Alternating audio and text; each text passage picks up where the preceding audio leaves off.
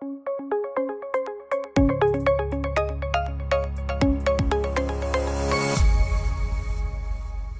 юм боолын үрэтэ Идрээс подкастын шин дугаарт бизнесийн салбараас мундаг хүн орж байна. Та бүхэн мэдж байгаа бах бизнесийн салбар салбараас бид нэр нийгмийн эрүүл мэндийн ингээд олон салбаруудаас зочны зочион оруулдаг. Энэ удаад Mobicom корпорацийн сурчлага олон нийтэд харилцаа харилцаа албаны дарга Чин зөрг гэдэг мундаг залуу оролцож байна. Тэгээд манай нэвтрүүлэг бол хэрэгтэй юм буу хаалыг гэдэг үрэтэ. Тэгээд хэдүүлээ таныг бас маш гоё нов авгаа илэн талангуу хэлэх бах гэж ярих бах гэж бодож байна. За тэгээд э, яриагаа эхлэе. А Mobicom дотор бас ингээд одоо альбан тушаалыг чинь бас нэг ойлгомжтой болгоё гэж бодож байна л да. Сурчлага сурчлага олон нийтэд харьцах албаны дарга гэдэг чинь одоо яг энэ маркетинг гэнтэр гэл тэгэхээр том компани дотор юм айгүй том бүтцтэй байдаг шүү дээ тийм. Энэ бүтц нь юу нь ямар хувь юм бэ? Дотор хэдэн захирал байна? Оо за баярлалаа. Сайхан танилцуулж өгсөнд. Тэгээд ер нь манайх энэ 6 сектор гэх юм уу да энэ дотооддоо тийм одоо газрууд хуваагддаг жишээ нь техник, маркетинг, хэрэглэгчийн борлуулалт, хэрэглэгчийн үйлчилгээ, байгууллагын бизнес гэх. Тэгээд дээрэс нь одоо хууль, эрх зүй, бодлого зохицуул, санхүү гэд. 6 ч юм ингээд аа 7 ч юм уу те ийм газрууд байгаа даа секторууд гэх юм уу те. За тэрэн дотроо энэ маркетингийн сектор гэдэг маань болохоор дотроо бүтцэн болохоор ерөнхийдөө маркетингийнхаа бүтээгдэхүүний стратеги гаргаад бүтээгдэхүүнээ одоо гаргаад явдаг. За дээрэс нь тэр бүтээгдэхүүнийхээ сурталчилгаа, олон нийтэд таниулах үйл ажиллагаа, за тэгээд нийгмийн хариуцлагын үйл ажиллагаа гэсэн чиглэлүүдийг нэг ингээ хамруулад явдаг бас нэг алба байна. За дээрэс нь болохоор маркетингийн судлаа шинжилгээний алба байгаа. За тэгээд дижитал бизнесийн алба гэд энэ дөрвөн дотроо юм албатай ийм маркетинг бол. Дижитал бизнес судлаа шинжилгээ гэд судлаа шинжилгээ гэдэг нь болохоор юу юу? Нөгөө market intelligence гэж нэрлэдэг юм байна тийм зарим компаниуд. Тийм Ер нь манай дээр бол business intelligence гэж явж байгаа. Тэгээ дотроо market intelligence, business intelligence гэдэг хоёр юм бас хилцтэй. Тэгээд ерөнхийдөө яг хэрэглэгчийн зан төлөвийн судалгаа тий ер нь да бусад болон дата өгөгдлүүд дээр ингээд зах зээлийн судалгаануудыг хийгээд тэгээ энэ маань болохоор эргээгээд сурчлагаа одоо хэрхэн явуулах уу маркетинг бүтээгдэхүүнээ яаж гаргах уу яах уу гэдэг юм гол одоо бидний одоо юу гэх юм дээр гол мэдээлэл болж байна гэж ойлгож байна тийм үү Танаас би яг маркетингийн жинхэнэ маркетингийн асуултууд асуусан л та ер нь бол маш олон хүмүүс жижиг дунд ямар ч бизнес хийсэн гэсэн маркетинг гэдэг юмны очрыг олохгүй, борлуулалт гэдэг юмны очрыг олохгүй тий. Тэгэд энэ олон нийт худалдаа өгчдийн хаан учрыг нь гэж олон нийтийн учрыг олохгүй болохоор ер нь бизнес амжилтанд хүрдэг юм санагдаад байгаа байхгүй. Аа маркетинг дээр ярьдаг ч тэгэл нөгөө нөгөө л яг бөлөг болсон л гэх бахалтай баг нөгөө байршил байршил байршил энэ төргээл бүр тэрнээс эхэлдэг шүү дээ тийм. Ер нь за тэрийг бүх шууд алгасаад ярих юм бол одоо яг энэ 2021 оны байдлаар тийм маркетинг гэдэг юмыг ялангуяа том компани яаж хардаг болоод байна? маркетингийн концепт центр гэж ярьдаг шүү дээ тийм. Маркетингийг би би бол одоо их тэрэг хуучин сэгнүүдээр хараад байна уу? Гой мэдээлэл амар байна. Ер нь бол би маркетингийн бол яг мэрэгжилтэй хүн биш л те. Яг зүгээр ажилд ороод ингээд хийгээд явж явах туршлага дээр үндэслэл энэ маркетингийн сурчлагын ажлыг бол голцоо хийж байгаа. Бүтээгдэхүүн хөгжүүлэлтийн алба бол бас тусдаа үйл ажиллагаа явуулдаг. Тэн дээр бол анализ дүгнэлтээ мэдээлэл дээр анализ дүгнэлтээ хийгээд дээрэс нь одоо юу гэдгийг ийм бүтээгдэхүүн гаргуул иймэрхүү одоо assumption гарах нь байна те. Зах зээлийн тэдэн хувьд нь хүрэх нь байна. Ийм а одоо зах зээлийн бүлэг сегмент рүү одоо хандсан ийм бүтээгдэхүүн байна гэдэг юм уу те. Энийг ингээд тус тусдаа бүтээгдэхүүнүүдээ ингээд гаргаж идэг. А сурталчилгаа болон түүнийг одоо танилцуулах хүрээнд бол жишээ нь а одоо концепц бол ерөнхийдөө ингээд өөрчлөгдөөл яваад байна л да. Одоо маркетингийн хүмүүс бол бүгд л мэдж байгаа хэрэг ингээд маркетинг 1.0, 2.0, 3.0 ингээл 4.0 гэл одоо ингээд явж гин тэгэл сошиал 4.0 гэдэг нь юу юу юм мэдгүй ба шүү дээ. Та нар бол өөрсдөө мэдээд байгаа байхгүй. Тэгээд мэдгүй байгаа хүмүүстээ зөрүүлж хэлж өгөөч те. Одоо Гэхдээ ер нь яг 4-0 гэдэг бол одоо хамгийн сүүлд л ингээд одоо гарч байгаа. Тэрнээс цаашгаа бас хөгжөө явж байгаа хэл та. Яг а онлайн хувьд болохоор нөгөө юм одоо нөгөө хэрэглэгчдийн зан төлөв нэлээд өөрчлөгдөж явах шиг байна л та. Энэ дижитал орчин тэгэл энэ сошиал медиа хөгжснөөс болоод нөгөө хэрэглэгч маань өмнө нь бол одоо жишээ нь юу гэдгийг реклам харж ирсэн аа энэ бүтээгдэхүүн айгүй зүгээр юм шиг байна гэдэг ингээд худалдаад авчдаг байсан бол одоо болохоор нөгөө хэрэглэгчдийн нөгөө өөрийнх нь нөгөө фидбек дээр илүү тулгуурлсан тий одоо сүүлийн судалгаагаар харах юм бол жишээ нь за шинэ бүтээгдэхүүн авъя тий би энийг ийм бүтээгдэхүүн авмаар байна гэсэн үедээ хүн хаанаас илүү хайлт хийж ийнө гэхээр Facebook дээр илүү хайлт хийдэг тий. За би ийм микрофон авъя ч гэдэг юм те. За ингээ микрофоноо бичээд ингээд оронгууд ингээ олон хүмүүсийн комментууд байж идэг те. За тэр микрофон илүү сайн юм байлээ. Энэ микрофон ийм байлээ. Энэ жоохон ийм юм байлээ. Ийм хийх гэж байгаа. За хүний үгийг сонсох гэдэг те. Ийм юм хийх гээд байгаа хүн байвал энэн дээр ч гэдэг юм уу те. Ийм нөгөө хэрэглэгчдийн одоо өөрсдийнх нь энэ фидбек дээр үндэслээд илүү их худалдаа авалт хийдэг болсон байна л да. Тэр нөгөө эхлээд маркетингийг зөвхөн маркетингийн ажилтнууд хийдэг байсан гэдэг концепт явдаг байсан бол дараа нь одоо жишээ нь маркетингийг байгууллагын бүх ажилтан хийх ёстой байна. Энэ бол одоо байгууллагынхаа л одоо нэгдсэн нэг зорилгод хүрэхийн тулд бид нар энийг хийх ёстой байна гэдэг байсан. Харин одоо болохоор нөгөө хэрэглэгч маркетинг болцсон юм байна тий. Хэрэг маркетер юм байна тий. Маркетингийг хийдэг юм байна. Тийм учраас хэрэглэгчийн мэдлэг мэдээллийг илүү одоо нэмэгдүүлэхтэй тэрнлүү чиглэсэн одоо энэ контентуудыг илүү гаргах ч байдаг юм уу те. Тэгээ ер нь айгүй тийм honest байхыг ингээ шаардаад байна л да. Зах зээл өөрөө ингээ за манай бүтээгдэхүүн алдаатай байсан бол окей би энэ алдаатай юм бүтээгдэхүүн гаргасан байна. Та бүхнээс хүлчлүүлэх чи бид нар энийг ингээд сайжруулж байна гэд хүлээгээд хэлэхэд жишээ нь хүлээж аваад ингээ те окей за за би тэгвэл ойлголоо тэрий чинь одоо юу гэдгийг хүлээж яач гэдэг юм уу те. Иймэрхүү байдлаар ингээ эргээр ингээ ханддаг болсон жишээнүүд их байгаад байна л да. Тэгэхээр энэ рүү зэрэгцээд ирэхээр одоо ямарваа нэгэн одоо брендийг гаргаж ирэх гээд бид нэг хичээгээд нь шүү дээ. За Mobicom гэдэг бол нэг брэнд тий. За Mobicom-ын бүтээгдэхүүнүүд бас нэг юм брэнд болчихж байна тий. Тэгэхээр брэнд гэдгийг бид нар юу гэж одоо ойлгох юм бэ гэдгээс магадгүй эхлэх байх гэж хараад байна л да. Тэгэхээр брэнд гэдэг бол хүний дотор нэг юм за одоо юу гэдгийг Shure брендийн Shure брендийн одоо энэ микрофон гэдгийг ингээд төсөөлөхөөр дотор нэг юм төсөөл үүсэж байна да тийм. Тэр төсөөл одоо юу гэдгийг идэр од гэдэг хүнийг бодцоход бас нэг төсөөл үүсэж байна тийм. Тэгэхээр энэ ер нь ингээд хүнтэй адилхан юм шиг тийм болцоод байна л да. Тэгэхээр одоо юу гэдгийг энэ брэнд өөрөө ямар нэгэн байдлаар характеристик юм уу те behavior зан харин шин гаргадаг байх хэрэгтэй байх нь тийм ээ. Тэгээ брендийг одоо сурталчилж байгаа байдал нь өөрөө энэ брендийнхаа дүр төрхийг ингээд энэ ямар брэнд юм бэ энэ ямар хүн юм бэ гэдгийг ингээд харуулад байна шүү дээ.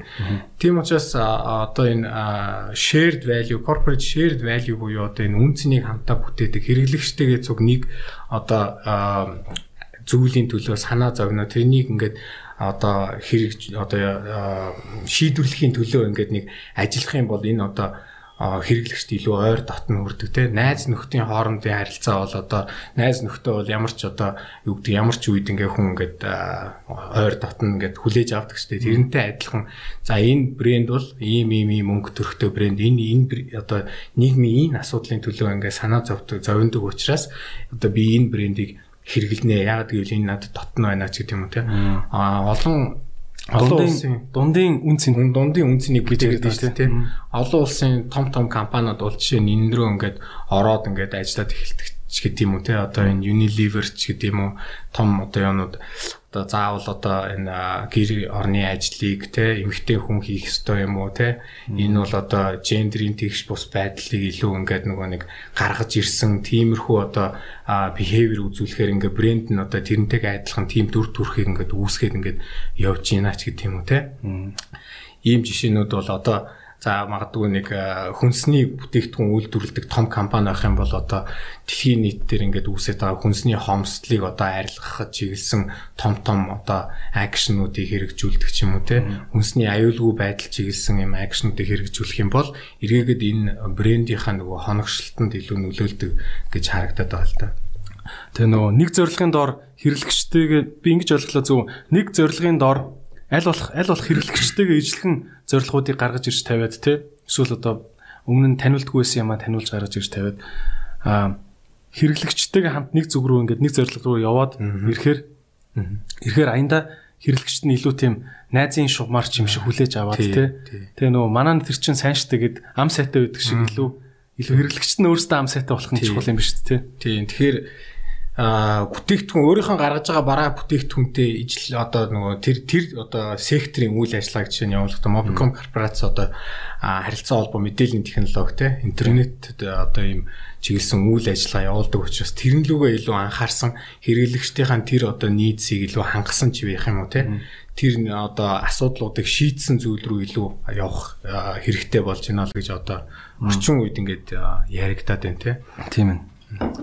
Тэгвэл энэ жижигхэн компаниуд бас ингэж ярьж болох одоо миний бодлоор жижигхэн компани ингээл нэг 10 хүнтэй компани гів гэнтхий ингээл нийгмийн сайн сайхны төлөө өнтер гэж яриад эхлэхэр жоохон фантастик санагдахгүй те. Өөрөө энийг юу гэж хардаг вэ?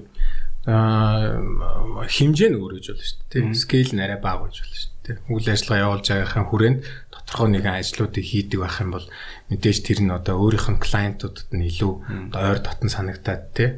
Тэгээ тэрийг гоё танилцуулаад яриад бид нар ийм юмны төлөө зорж байгаа ингэж байгаа. Тэгэхээр тийм учраас та бүхэн бид нартай хамтарч ажиллах юм бол бас нэг давуу тал нь болно. Магадгүй олон компаниудтай өрсөлдөж иж болно шүү дээ. Тэгэхээр энэ олон компаниудтай өрсөлдөж явах үед одоо тэр нь илүү нэг давуу талыг гаргадаг ч юм уу тий. Тэгээ бизнесийг бол одоо юу гэдгийг аа мөнгө олох хэрэгсэл гэж харахаасаа илүүтэйгээр одоо юу гэдгийг би энэ бизнесээр дамжуулаад нийгмийн одоо ямар асуудлыг шийдэх гээд байгаа юм бэ гэдэг рүү илүү анхаарах хэрэгтэй юм болов уу гэж э, боддгийн. Гэхдээ мэдээж энд бас ашиг орлого олохтой нөлөө хамааралтай л да. А KDDI корпорац одоо Mobicom-ийн одоо хөрөнгө оруулагч корпорацийн хувьд бол үүсгэн байгуулагч хүн а кредо гэж гаргасан энэ гол үзэл санаа гэх юм уу те корпорацийн гол үзэл санаа гэдэг.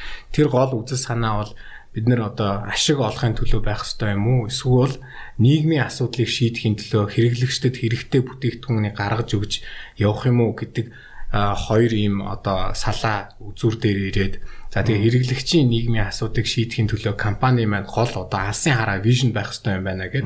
Тэгээ тэр вижнээр одоо алсын хараага буулгах одоо философи буюу одоо энэ одоо үйл ажиллагааны баримтлах зарчим гэх юм уу те? Энийг ингээ боловсруулж гаргаж ирээд тэгээд тэрийг одоо энэ групп компаниуд дээрээ одоо ингээд нутагшуулад те? Ингээ явдаг. Тэгээ манайх бол чинь нэг одоо глобал бизнесийн нэг одоо хэсэг нь байгаа. Даа. Тэгэхээр энэ дээр бас тодорхой хэмжээгээр тэрийг буулгах алсын хараа вижн бас вижн мишн тодорхойлохтой value-г тодорхойлохтой бас энийг бол оруулж явдаг байгаа. Америкийн одоо Silicon Valley-гийн томчууд яг иймэрхүү юм яриад эхэлчлээ л дээ Америкийн нийт эдийн засгийн баг одоо 35 мав хувийг нуруунд дээрээ дааж явдаг Калифорни муж жишээ нь одоо тэр дундаа бүр яг Silicon Valley-гийн нийслэл болсон Сан Франциско хот энэ төр гэл орон гэргүй хүмүүсээрээ номер 1 амар сонир тэр бомтнуудаараа номер 1 тэгсэн мөртлөө бас орон гэргүүчүүдээр манлайлдаг юм сонио хот болчиход байна л да тий. Тэгээ одоо яг энэ ч нөгөө Америк зүгийн тэр бомтнууд л яриад байна л да. Одоо тэгтээ Аз ч гэсэн бас маш их ярьдаг болсон тий. Аа Аз тайгуул бүр Америкээс өмнө байсан гэж магадгүй зүгээр нөх амир дуулддгүй л байсан гэхээс те. Аа гэл компани гэдэг чинь тэгэл хувьцаа эзэмшигч нэг хэдхэн хүний төлөөл байх хэвээр юм уу? Тэгээд ингээд компани сайхан босоод эцэст нь ингээ муухай дэлхийг үүсчээвэл тэр чинь бизнесийн гол зорилго нь юу байгаа ингээл? Одоо амир юм баг юм философийн юм юунд орд юм биш үү? Те концепцийн тийм маргаан. Философийн төвчөнд орд юм биш үү? Сүулдэ явж явж те яг энэ competition гэхээсээ өрсөлдөөн гэхээсээ илүүтэй энийг нөгөө co-opetition буюу одоо нөгөө өрсөлдгийн хажуугаар хамтран хөгжих гэдэг энэ юуг барьсан дээр байх л гэж боддөг юм л да ер нь бол яа тэгэхээр магадгүй за би маш том корпорац компаниг байгууллаа. Тэр маань ингээд бүх одоо бизнесийн салбарууд руу ороод те ингээл одоо бүх салбаруудыг эзлээл маш том ингээл баг одоо юу гэдэг ван тус шиг юм байгуулаад ингээл ирдэг. Тэгээ эргээгээд нөгөөд эргэн тойронд нь байгаа одоо жижиг бизнесүүд нь бүгд ингээд байхгүй болоод дуусаад тэр одоо юу гэдэг те нөгөө эрүүлчин нь ингээд байхгүй болчихж шít. Тэгэхээр тэр хүмүүсийн ашиг орлого буурахын хэрээр нөгөө эргээгээд компани чинь ашиг орлого ингээд буураад эхэлнэ те. Тэгэхээр магадгүй хамтдаа хөгжөөд бүгдээрээ ингээд өсөө явах юм бол эн чинь хүмүүс орлоготой байх юм бол бүтээгдэхүүн нь илүү зарагдан тий олон олон төрлийн бүтээгдэхүүн гарч ирнэ. Илүү нөгөө өөр өөр төрлийн хэрэглээгээ хүмүүс хангаж эхэлнэ тий ингээд ирэхээр нөгөө зах зээл эдийн засгч нь өөрөө ингээд томроод ирэх юм шүү л гэж боддгийг ер нь бол тий тий. Одоо жишээ нь дэлхийд Улаанбаатар хотод ганцхан бизнес гараад ирэх юм бол тэр бизнесээс өөр хэн авах юм? Өөр нэг хүн танахаас юм авахын тулд цаанаа бас дахиад ажилтаа бол байх хэрэгтэй шүү дээ тий. А юунууд одоо энэ маркетингийн салбар дээр сая ингээд 4.0 гэдэг ийм том зургаараа ийм концепцийн өөрчлөлт гарч ийн гэдэг чинь те. Өөрөө ч бас харж байгаагаар би бас саяхан нэг том маркетингийн захиралтаа уулзсан л та. Тэгсэн чинь надад бол хэлж илээ. А би яах вэ нөгөө нэвтрүүлэг нэвтрүүлэг хийдэг. YouTube-ийн нэвтрүүлэг хийдэг. Спонсор спонсор спонсор хайгаал оруулахгүй гэсэн чинь үгүй идрээ наа чин наа тэр чиний YouTube чинь амар гоё юм байлаа. Гэхдээ нэг тэр бол нэг сонирм биш байна. Тэ. надад одоо ингээд ингээд далаацтай концепцоор нь ингэж хийж чаддаг ингээд амар боддог. Тэгээ нийгмийн ангиж амар сайн асуудлыг мэддэг. Тэгээ тэр зөв рүү нь ажиллаж чаддаг. Манайхыг ингээд амар цөм рекламтахаас илүү ингээд нийгмийг ингэж арай өөр нүдээр хардаг тийм баг хэрэгтэй байна. Одоо Монголд байгаа реклам хийдэг залуучууд бүгдээрээ л нэг камертай залуучууд болчлаа. Тэрнээс юм боддог залуу ерөөсөй байхгүй байна. Одоо чи бол нэг юм тэгж явж байгаа бол sorry чамтай харьцахгүй шууд тэгж байгаа байхгүй. Тэ? А өөрөө бол яг одоо жишээ нь контент үйлдвэрлэгч нар юу гэж харж байна? Одоо одоо миний болсон тэр хүн бол камертай залуучууд гэж нэрлэж штэ тэ. Таны хувьд яг энэ яаж харагдаж байна? Рекламны салбарын залуучууд. Яг манайх олон студ продакшнтай хамтарч ажилладаг л да. Тэгэхээр манайх одоо жишээ нь юу гэдгийг юу юугаа хийх үү? Ямар ямар шаардлагуудаа илүү тавьж өгөх үү? Ямар мэдээллээр хангах уу гэдгийг бодох хэрэгтэй. Одоо одоо энэ бид нар захиалагчийн хувьд тийм ээ. За одоо ийм бүтээгдэхүүн гаргах гээд байна. За энэ бүтээгдэхүүн маань жишээ нь тэдэс тедэн насны тим одоо ажил эрхэлдэгч гэдэг юм уу тийм тим хүмүүсийнх ч гэдэг юм уу эсвэл лайфстайлаар нугааж үзээ. За энэ бол одоо юу гэдгийг тэдэн дөрөвний орлоготой тим хүмүүс илүү сонирхоор юм бүтээгдэхүүн байгаа. Тэгээ энэ одоо хүмүүс лайфстайлын хувьд бодоод амьдралын хэв маягийн хувьд бол жишээ нь одоо юу гэдгийг за ийм ийм ийм газруудаар орж үйлчлүүлдэг ийм ийм ийм телевиз үздэг. За сошиал дээр тэдэн цагийг өнгөрөөдөг энэ одоо бусттэй бустгүй спонсорд ямар контентыг илүү харж үздэг гэсэн юм судалгаан дээр үндэссэн юмнуудаа илүү өгөөд за тэгээд дээрэс нь креатив санаагаа одоо ингээ гаргаад ирээ. Та нар энийг яаж сурталчилмаар байна те за дээр нь биднээс өгөх даалгавар нь одоо жишээ нь юу гэдгийг энэ бүтээгдэхүүн бол одоо тим брэндтэй имижтэйгээр гарч ирэх хэвээр ийм ингэх хэвээр гэдэг юм даалгавраа өгөөд тэг креатив санаан дээр нь илүү ажиллавал зүгээр зүгээр бах л та. Тэрнээс шүүл за одоо би ийм бүтээгдэхүүн гаргаад ирлээ. Энийг нэг хэвээр тултал нь реклам татах гэл ингэх юм бол магадгүй олон янз янзын санаанууд гарч ирэх л байх л та. Тийм баг. Тий. Тэгээ нөгөө хэрэглэгчийн зан төлөв маань өөрөө ингээд өөрсдөөд эхэлдэг. Өмнө нь одоо жишээ нь юу гэдэг илүү хошин өнгө аястай ийм рекламд хүн илүү дуртай тэрийг ингээ үздэгч байдаг юм уу те. Тийм байсан бол одоо магадгүй илүү нөгөө юм энгийн амьдралд юм төгсөн амьдралын ситүэйшн дээр үндэслсэн те. Энгийн нормал ийм байдлыг харуулсан а ийм юм руу илүү ороод байна гэж хараад яг судалгаанууд дээр ингээл харахаар стил байгаа л да. За орон нутаг Улаанбаатарт ийм байна, тэдэн насны хүмүүст ийм байна, эдэн насны хүмүүст ийм байна, Жензин ингэж бодож जैन те. За энэ бүр залуучууд нь ингэж үзэж जैन, энднээс мэдээлэл авч जैन, энэ хүнд одоо илүү инфлюенс болж जैन гэдэг юм уу те. Иймэрхүү юмнууд нь судалгаан дээр ингээ харагдаад ирэхээр жоохон ер нь бол ингээ жоохон тренд нь ингээ тийшээ явж जैन гэж харагдаж байна. Гэтэ бүр тийм бүр амар огцон бол хүмүүс ингийн нэг шүтэж эхэлж जैन гэсэн үг те. Ерөнхийдөө бол нөө илүү тийм минималч гэдэг юм уу те хүн хүндээ хийсэн те нэг хүн хүндээ зөвлөсөн. Жишээ нь одоо хинд илүү итгэдэг үгэ гэдэг судалгаа ингээл гаргаал ирэнгуут чинь багш багш ч гэдэг юм те илүү төлөв одоо төрүүлдэг ч гэдэг юм те. Ягаад тэгэхээр 10 жил их сургуультай ингээд нөгөө айгу багштай илүү ойрхон emotional connectionтэй байсан учраас тийм хүмүүсийн хэлж байгаа үг илүү одоо үнэн сонсогддог ч байд юм те. Тийм тий. Одоо чинь баруунд бол баруун ч гэлтгүй ялгаагүй дэлхийд дээр celebrity teacher гэдэг юм үүсчлээ шүү дээ. Од багш нар. Хуучин бол дуучин л од болж болдог байсан тий. Тийм айгүй шин нэгэн би болчиход байна л да. За тэгвэл би өөр чинь амар зүгээр прагматик шууд хувьтай зөвлөгөө амар. Аа за би бол Mobicom-ийн одоо маркетингийн зардлыг бол хэд үгүй мэдгүй. Гэхдээ бол тэр бүм хэдэн тэр бумаар л ирдэг байлгүй бодвол том компани. Тэгэд аа за би YouTube дээр 20 минутын ийм home party гэдэг нэвтрүүлэг хийдэг. А нөгөөх нь болохоор эдрийн ингээ аялал гэдэг юм аяллаа нэвтрүүлэг хийдэг. Ингээ бодож штэ тий.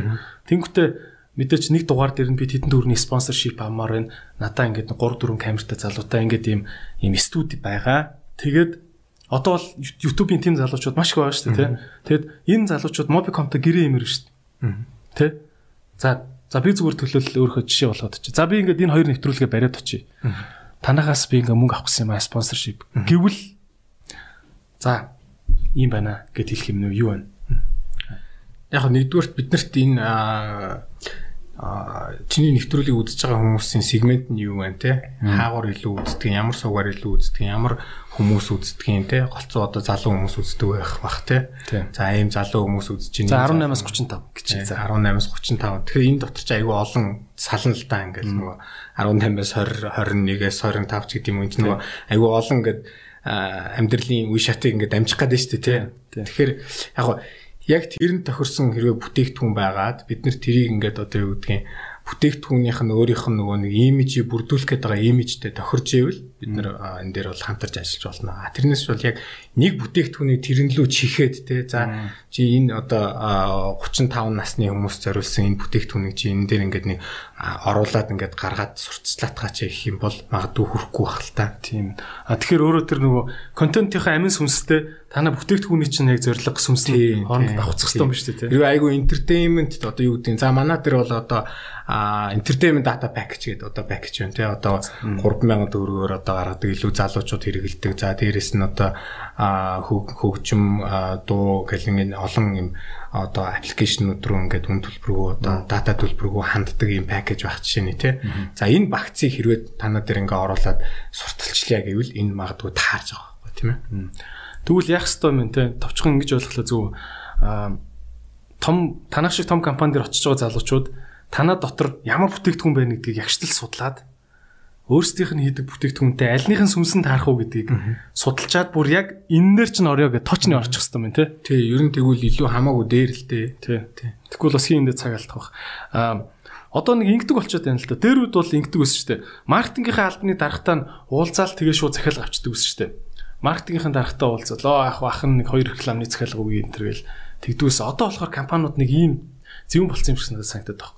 Маркетингийн дарга шийдвэр гаргахаас өмнө эхлээд танах чи юу гэлээ? Маркет интелиженс чинь нөгөөх нь юу гэдэг бүтээгдэхүүн маркетинг тэр нөгөө зах зээлээ судалдаг. Аа BID гэдэг бизнес интелиженс бизнес интелиженс тийм юм заавал юм дотроо судалгааны юм багтаа болсон тэдэртэйгээ эхэлж уулзалт өгсөн мөлий те. Ингээд та нарын тоог хараад энэ зах зээлийн тоонуудыг хараадах. Тэгээд энийг хөдөлгөж чадах нь тэгээд дараа нь яримээрэ гэдэг болцсон мөлий те. А танай хувьд яг энэ процесс ямар байдаг вэ одоо? Танахтай хамтарч ажиллахад?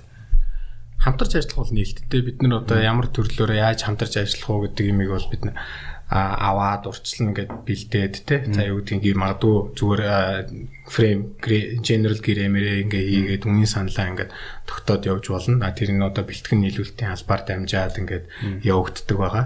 За ингээд нэгэнт одоо бид нар а ерөнхийдөө энэ манай салбар бол илүү өрсөлдөөнтэй салбар л та. Тэгэхээр маш хурдтай юм хийх шаардлагатай болдог.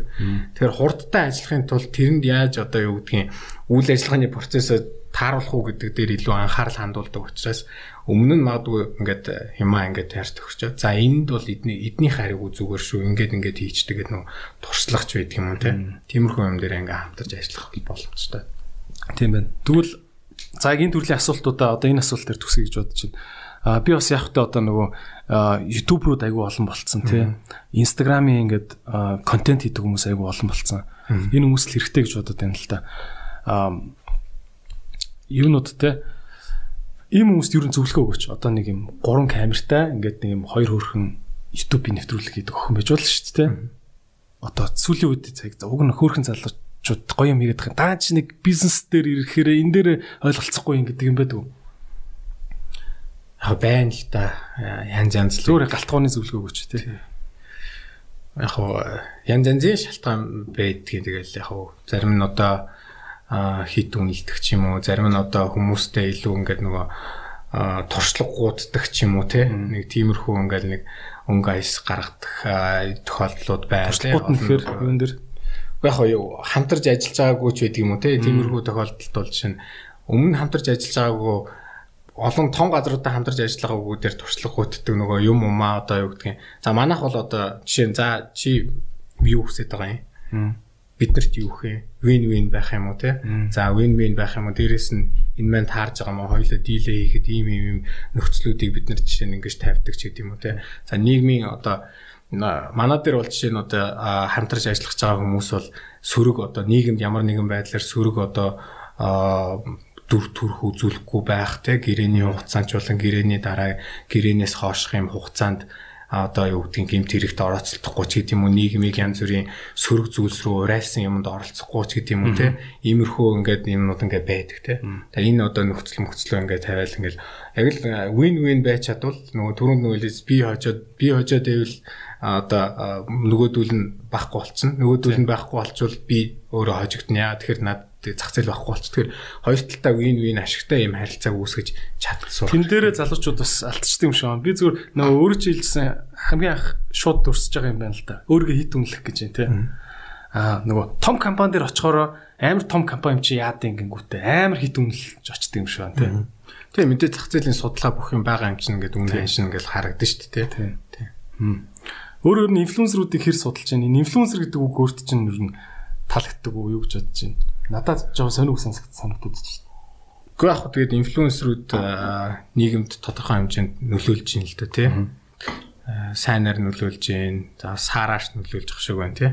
Тэр инфлюенсерүүд ер нь тэгэл заавал нэг хэсэг ингээл баруунд чинь бас л инфлюенсерүүдээр илүү маркетинг хийлгээ, инфлюенсер маркетинг гэл ингээл гараад ирлээ шүү дээ. Одоо Instagram дээр жишээ нь тэдэн сая дагагчтай хүн гарч ирэл ингээд нэг юм ингээл хилчихэд тэр нь ингээл маргааш нь ингээл бүүн болоод ингээл одуулдаг ч юм уу. Тэр бүтээгдэхүүн ингээл илүү хөгждөг ч гэдэм үү те инфлюенсер гарч ирэл шууд сурчлага хийдэг юм ахэд би ийм юм хэрэгэлдэг ингээд ингээд ингээл нэг их ингээл хилээл өнгөрөхөд жишээ нь тэр нь ингээл бас нөлөөлж лээдэг те тэгээ инфлюенсерүүд бол яалчгүй энэ одоогийн орчин үеийн дижиталцсан нийгэмд бол гарч ирэхээс өөр аргагүй тэгэл тэр зөвшөөрч яана хөрөө тий гарч ирэхээс өөр аргагүй. Тэгэл тэрийг яаж зөв ашиглаж бизнесийнхаа аюунд ашиглах уу? Одоо хамтарч ажиллах уу гэдэг чинь л ерөнхийдөө гол ажланд болоод байна шүү дээ. Тэр нэг контент ингээл гараа сошиал дээр дан ялангуяа одоо жишээ нь контент ингээ хийхэд за энийг жишээ нь сошиалын төрлийн контент болгож гарахгүй бол энэ юусаа аваасаа амжилттай явахгүй. Тэгэхээр сошиалын төрлийн контентууд юу юм бэ? Инфлюенс нэг бол инфлюенсерээр илүү ингээд юу ягцсан те. Эсвэл ямар нэгэн нийгмийн одоо асуудлыг илүү хөндөж тавьсан ч байдаг юм уу те. Тиймэрхүү эсвэл одоо нэг тийм үг одоо юу гэдэг нэг тийм урай үг мүгэн нэг тийм catchy matchy ч юм уу те тэрийг ингээд аваа явуучаар те хичнээн одоо спонсор буст хийж байгаа ч гэсэн энэ ингээ өөрөө ингээд өөрөө өөрийгөө вайрал болгоод явуучаар тиймэрхүү контентийг илүү сэтгэж хийхгүй бол а болохгүй болчихвол зүгээр нэг юм тавьчаал за энэ бол одоо явна гэж сошиал бол хүн болго үздэг юм чи явна гэдэг чинь болохгүй болчиход байна л да. Тэгэхээр инфлюенсер бол яалчгүй энэ талтаа бол нөлөөлж байгаа. Тийм ээ. Яа зарим ер нь бол ялангуяа жоохон ахнарт ахнарт талын хүмүүстэй а ядч аа над инфлюенсер үуч хотлоо хотлоо тэгэл нэг нэг юм хоёр лайв хийгээл одуулна гэж юу байсан ингээл те нэг юм хүлэн зөвшөөрдгөө бас хэсэг бүлэг байгаад байгаа юм шиг санагдаад байгаа. А зарим нь болохоор үгүй наадуулч л одоо өстө маркетинг жинхэнэ шийдэж гин те одоо наадалч одоо харалт 18 настай хүүхд ингээл сая доллар олоод YouTube дээр нэвтрүүлэг хийж тэгэл ингэдэг болчиход шүү дээ тий. Тийм ер нь бол тийм энийг хүлэн зөвшөөрөхөөс аргагүй л гэж бодож байна л та. Дуртай дургу тэгэл. Аа тухайн насны онцлогтой ч юм уу тухайн лайфстайлынхаа сегмент дээр тэд нар бол хүрч чадж байгаа байхгүй тийм. Үргээд мэдээллийг хүргэж өгч чадж байна. Бидний гол ажил бол энд бүтээгдэхүүн одоо компаниас ямар нэгэн бүтээгдэхүүн гаргаад ирлээ. Энэ бүтээгдэхүүнүүдийг эцсийн тэр таргет хэрэглэгчдэд зорилтод хэрэглэгчдэд бид нар яаж буулгах вэ? Хэд яаж хүргэх вэ гэдэг чинь гол зорилго болж байна шүү дээ.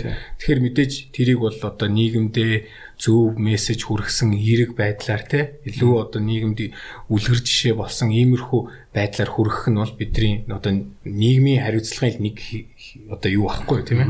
Хэсэг юм тийм ээ. Одоо танай компани хэллээд өөрөө түрүү ингээд компани бол ингээд мишнтэй ингээд нийгмийн гой болгохыг гээд ингээд явдаг байх хэрэгтэй гэдэг чинь тий. Тэгвэл би танай компани асуулт яг яг юу гой болох гэдэг юм тий. Юуг нь гой болох гэдэг гэдэг асуулт шүү дээ. За тий компани нийгмийн хариуцлага гэдэг тийм ойлголт ингээд байдаг шүү дээ тий. За энийг одоо юу гэж хэлэх юм бэ? гэдэг юм хүмүүс юугаар ойлгох хэвээр юм бэ? Энийг яаж хэрэгжүүлэх хэвээр юм бэ гэдгийг аа ингээд үзэх юм бол анх одоо 2014 онд би Mobicom корпорацид орж исэн. Тэгээ тухайн үед олон нийтэд харилцаалтын захирлгээд явж исэн. Тэн дээр болохоор нөгөө нийгмийн хариуцлагын үйл ажиллагааг ингээд бүтцээр нь ингээд бий болгоод за нийгмийн хариуцлагын компани нийгмийн хариуцлагын үйл ажиллагаа гэдэг юмыг хийж явах хэрэгтэй юм байна. Энэ бол одоо гарах хэрэгтэй юм байна. Яг гэвэл энэ том компаниуд чинь нөгөө үйл ажиллагаа явуулах тусгай зөвшөөрлгээд ингээд олгогддог шүү дээ. Одоо ямар ч бизнес дээр тий. Одоо харилцаа холбооны үйл ажиллагаа явуулах, өрийн холбооны үйл ажиллагаа явуулах тусгай зөвшөөрлөж авч байгаатай адилхан нийгэмдэр бид нэр өөрсдийгөө хүлээн зөвшөөрлөх ийм нийгмийн лиценз гэж бас ойлгож болох юм тий. За тэгэхээр энэ бол нэг бүтц байх хэрэгтэй юм байна. За энэ бол алба нэг чиглэлтэй, бодлоготой тий, журамтай, дүрмтэй байх хэрэгтэй юм байна. Тэгэхгүй бол одоо юу гэдгийг одоо олон компаниуд аа компани захирлынхаа одоо юу гэдгийг юугаар үзмжээр ч юм уу. Захирлынхаа дуртай нэг буйны ажлыг хийчихээр тэрийг нийгмийн хариуцлагын хүрээнд гэл ингэдэж шүү. Нэг иймэрхүү чиглээд идэг. Тэгээ тэр маань мэдээж нийгмийн хариуцлагын ажил мөн тий ханд тусламж өгж ийн өгж ийн хин нэгэн хүнд бенефит болж болж ийн үү тий тэр бол үнэн.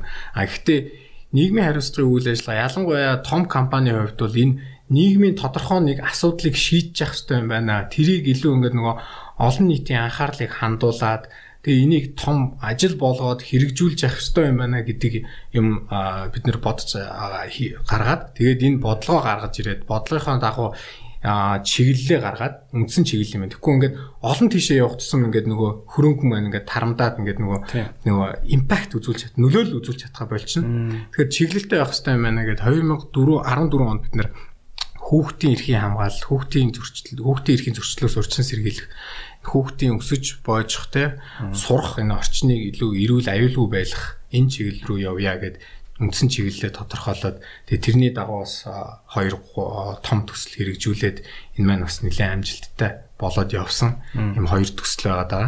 За бид нэр одоо илүү цаашдаа нөгөө хамтын үнцийг бүтээсэн тий corporate shared value гэсэн энэ концепт руугаа явъя. Тэрний төлөө хэрэглэгчд маань бидний хамтран ажиллагчид маань бүгдээрээ нэг зорилгын төлөө явдаг те. Тэрний төлөө бидэнтэй цуг байдаг. Бид тэдний одоо хэрэглэгчдийнхаа санаа зовж байгаа асуудлуудыг хөндөж гаргаж ирээд солиушнуудыг нь тодорхой хэмжээгээр ингэж шийдвэрүүдийг нь тодорхой хэмжээгээр санал болгож идэг шийдвэрлж идэг юм байваа гэсэн чиглэл рүү одоо ингэж яваад эхэлж байна л да. Ер нь бол зүр өөрөөр хэлбэл нөө брэнд гэдэг бол яг хүн хүнтэй л адилхан санагдах хэвээр тэр гэжсэн шүү дээ. Тэгэхээр бид нэг хүмүүсийг бодохдоо тэгдэж шүү дээ одоо За ганж авхлан гэдэг хүн бол яг л бас ингээл хүүхдийн төлөө ингээ явж яадаг. А тэр хүн бол эрүүл хоолтын төлөө явж яадаг. Энэ хүн бол ингээл насаараа л мод тариал модоо яриад явж яадаг ингээл ингээл яриад явж яадаг юм гэдэг чинь. Тэр шиг би ингэж ойлгочлох уу? Mobicom гэдэг одоо брэнд те. Ер нь хүүхдийн л эрүүл сурч боловсрох орчны төлөө л явдаг ийм нэг хүнтэй л адилхан юм байна гэж ойлгож байна. Тийм, ерөнхийдөө тэгж ойлгож болно. Тэгэхээр тэр одоо асуудлыг илүү эмзгээр хүлээж авдаг тэрийг шийдэхийг хүсэж байгаа юм хүмүүс одоо бид нартай одоо хамт байна ч гэдэг юм уу те?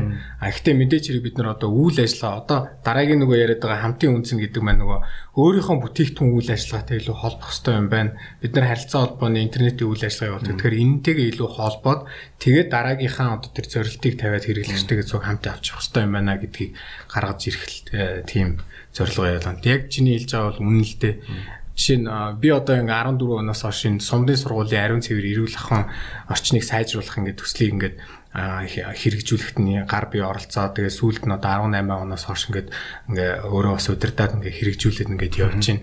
Тэгээ энэ хүрээнд одоо 7 жилийн хугацаанд ингээл ариун цэврийн байгууламж байрлаа байгууллаа гэл ингээл зурагт раажгаар яриад Mobcom корпорац төлөөлөл энэ тэнд нөгөө байгууламжаа хүлээлгэж өгөөл ингээл ажилд оролцоол явж идэг.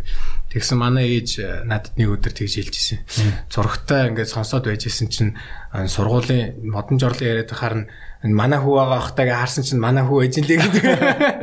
Тэгэхээр уг нь ч амар гар утасны компанид орлоо гэсэн чинь модон жорлон бариад бодох юм шиг. Тэрнтэй л ерөнхийдөө адилхан гэсэн үг. Тийм. Аа ер нь бол нийгмийн хариуцлага гэдэг үг хэлэхээр ер нь за миний бодлоор арт түмэн одоо арт түмэн гэдэг үгэнд бас би дургуулдээ одоо хийнэгч хэлээд байна тий. За иргэд гэж ярив тий. Иргэд. Иргэд ерөөхдөө юунд дургу байдаг тий. Нэг нийгмийн хариуцлагын хүлээнд хүрээнд 5 мод тарьлаа. Нийгмийн хариуцлагын хүрээнд хөгшчүүдтэй цагаан сарын цай тараалаа. Ингээл ингээл нэг яг чи нийгмийн хариуцлага гэд бодохоор миний толгойд шүү дээ тий. Яг үннийг хэлэхэд том компаниуд амар жоохон мөнгөөр зүгээр нэг жоохон нэг юм хүн амтнд туссан юм болоод тэгээ нөгөө ингээд нөө ядарсан хүнд мөнгө өгч жагаад зургийг аваад сошиал дээрээ тавиад идэг залуучууд идэв шүү дээ. Нэг тэрэн шиг тэрний нэг юм бизнес дүр төрх юм шиг надад санагдаад байдаг байхгүй. А тэгвэл яг одоо өөрөө хийж байгаа ажлын хувьд яг тэр төр зургаас юугаар ялгах тийм те. А үнэхээр жинхэнэ утгаараа яг тийм бүр мишн нийгмээ гоё болгож байгаа тэр мишн гэдэг том утгаараа ажиллаж чадж байгаа юм уу те. Яаж нотлох юм гэдэг юм биш. За яг би яг одоо гурван төсөл төр яриа л да те. За нэгдүгürt нь 2006 онд Mobicom корпорациас анх санаачлаад хэрэгжүүлсэн хүүхдийн үдийн цай гэдэг хөтөлбөр байна. Тухайн үедээ хүүхдийн үдийн цаг а хотын захын 12 сургууль дээр баха 1 2 дугаар ангийн хүүхдүүдэд ингээд үдийн цай өгдөг бас. Тэгээ тэрийг нь Mobicom корпорацаас ингээд санхүүжүүлж исэн тэр үед. Тэгээ энэ маш хэрэгтэй төсөл юм байна гэдгийг хаа хаанаг маш хурдан олж харсан. Жишээ нь маш сэтгэл имзэтгэл юм тийм дүр зургнууд ингээ харагдчихсан те. Хүүхдүүд сургууль завсардалт багасаад ихсэн те. Ингээ сургуультай ингээ очиод ихсэн. Тэгээд яагаад тэгэхээр өдөр нөгөө нэг цайгаа уух гээд очиж гин те. Тэгээ нэг одоо жишээн дээр хэлэх юм бол ингээ өөрт нь өгсөн ингээд одоо магадгүй бичээн юм уу тийм юм байсан юм шиг. Тэгээд тэрийг ингээд идэхгүйгээр ингээд кармалаад аваа гараад ингээд яасан бол гэдгсэн чинь дүүн ингээд хашааны сургуулийн хашааны цаана гарч ирсэн хүлээгээ тэгээд дүүдээ ингээд өгчээсэн гэд ийм имзэглэмээр ийм юмнууд тэн дээр ажиглагдсан.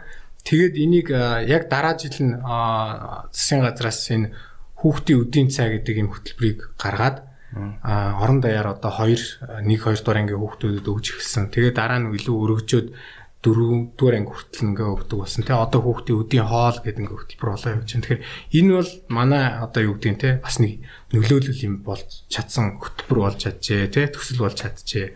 За хоёрдугаарт нь түрүүнд нөгөө ярьсан нөгөө сур модон сургуулийн модон жорлонгуудыг бид нэг солиод ингээд ариун цэврийн байгууламж болгож өгч ирсэн. 130 сум байдаг те. За тэр 330 сум байдаг те. Тэрний одоо бид нар 7 жилийн хугацаанд дэлхийн зүүн олон улсын байгууллагатай хамтраа за тэгээд орон нутгийн засаг захиргаа тодорхой хэмжээгээр мөнгө гаргаад төсөв батлуулаад тэгээд энэ гурван талтай ингээд санхүүжилт гаргаад бид нар ингээд хэрэгжүүлээд ингээд явсны үндсэн дээр 116 сургуулийг өнөөдөр 108 сургуулийг бид нар өнөөдөр яг ариун цэврийн шаардлага хангасан ийм нойлтой болгож чадсан. 3-ны 1-д нь хүрч чадсан гэсэн.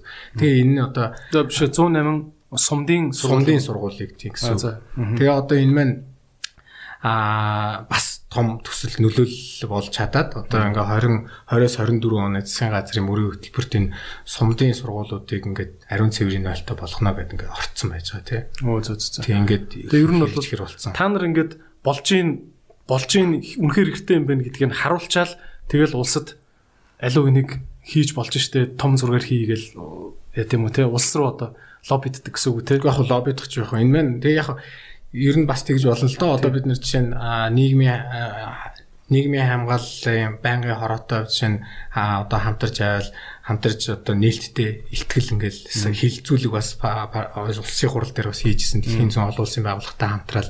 За энэ технологи нь ямар учиртай? Яагаад энэ технологиг сонгоод байгаа? Энэ септик технологи гэдэг чинь энэ манайхан шиг юм сумдад дид бүтц байхгүй газар хамгийн хэрэгтэй юм байна те. Энэ нь ингэж ингэж шүүгээд хөрсний бохирдол байхгүйгээр ингэж гаргадаг ийм технологи юм байна. Энэ хамгийн тохиромжтой юм байна. Яагаад тэгэхээр энийг бол 50 жилийн өмнө Америк Канад яг адилхан нөхцөл байдалтай газруудад ингээд туршаад ингээд явцсан юм байна ийм ингээд технологийн танилцуулаа. За тэгээд дээрэс нь ийм ийм ийм стандарт байх хэрэгтэй юм байна. Энэ дээр нэг маягийн зураг гэж гарах хэрэгтэй юм байна. Гурван яамны хамтарсан нэг маягийн зураг энэ төсөл дээр үндэслэгдэж гарагдаад батлагдаад ингээд явж байгаа гэсэн үг. Тэгэхээр бас одоо тийм нөлөөллийн аян одоо үйл ажиллагаа явагдаж ин гэж ойлгож болох юм л та тийм. А ер нь бол нэг улсаа эн чин чухал юм штэ энийг хийгээд гэжтэй гэдгийг улсдаа тэрийг хийх хэрэгтэй гэдгийг харуулах нь өөрөө баг хийхээс 10 дахин илүү хэцүү юм одоо uphill battle гэдэг шүү дээ Америкт бол.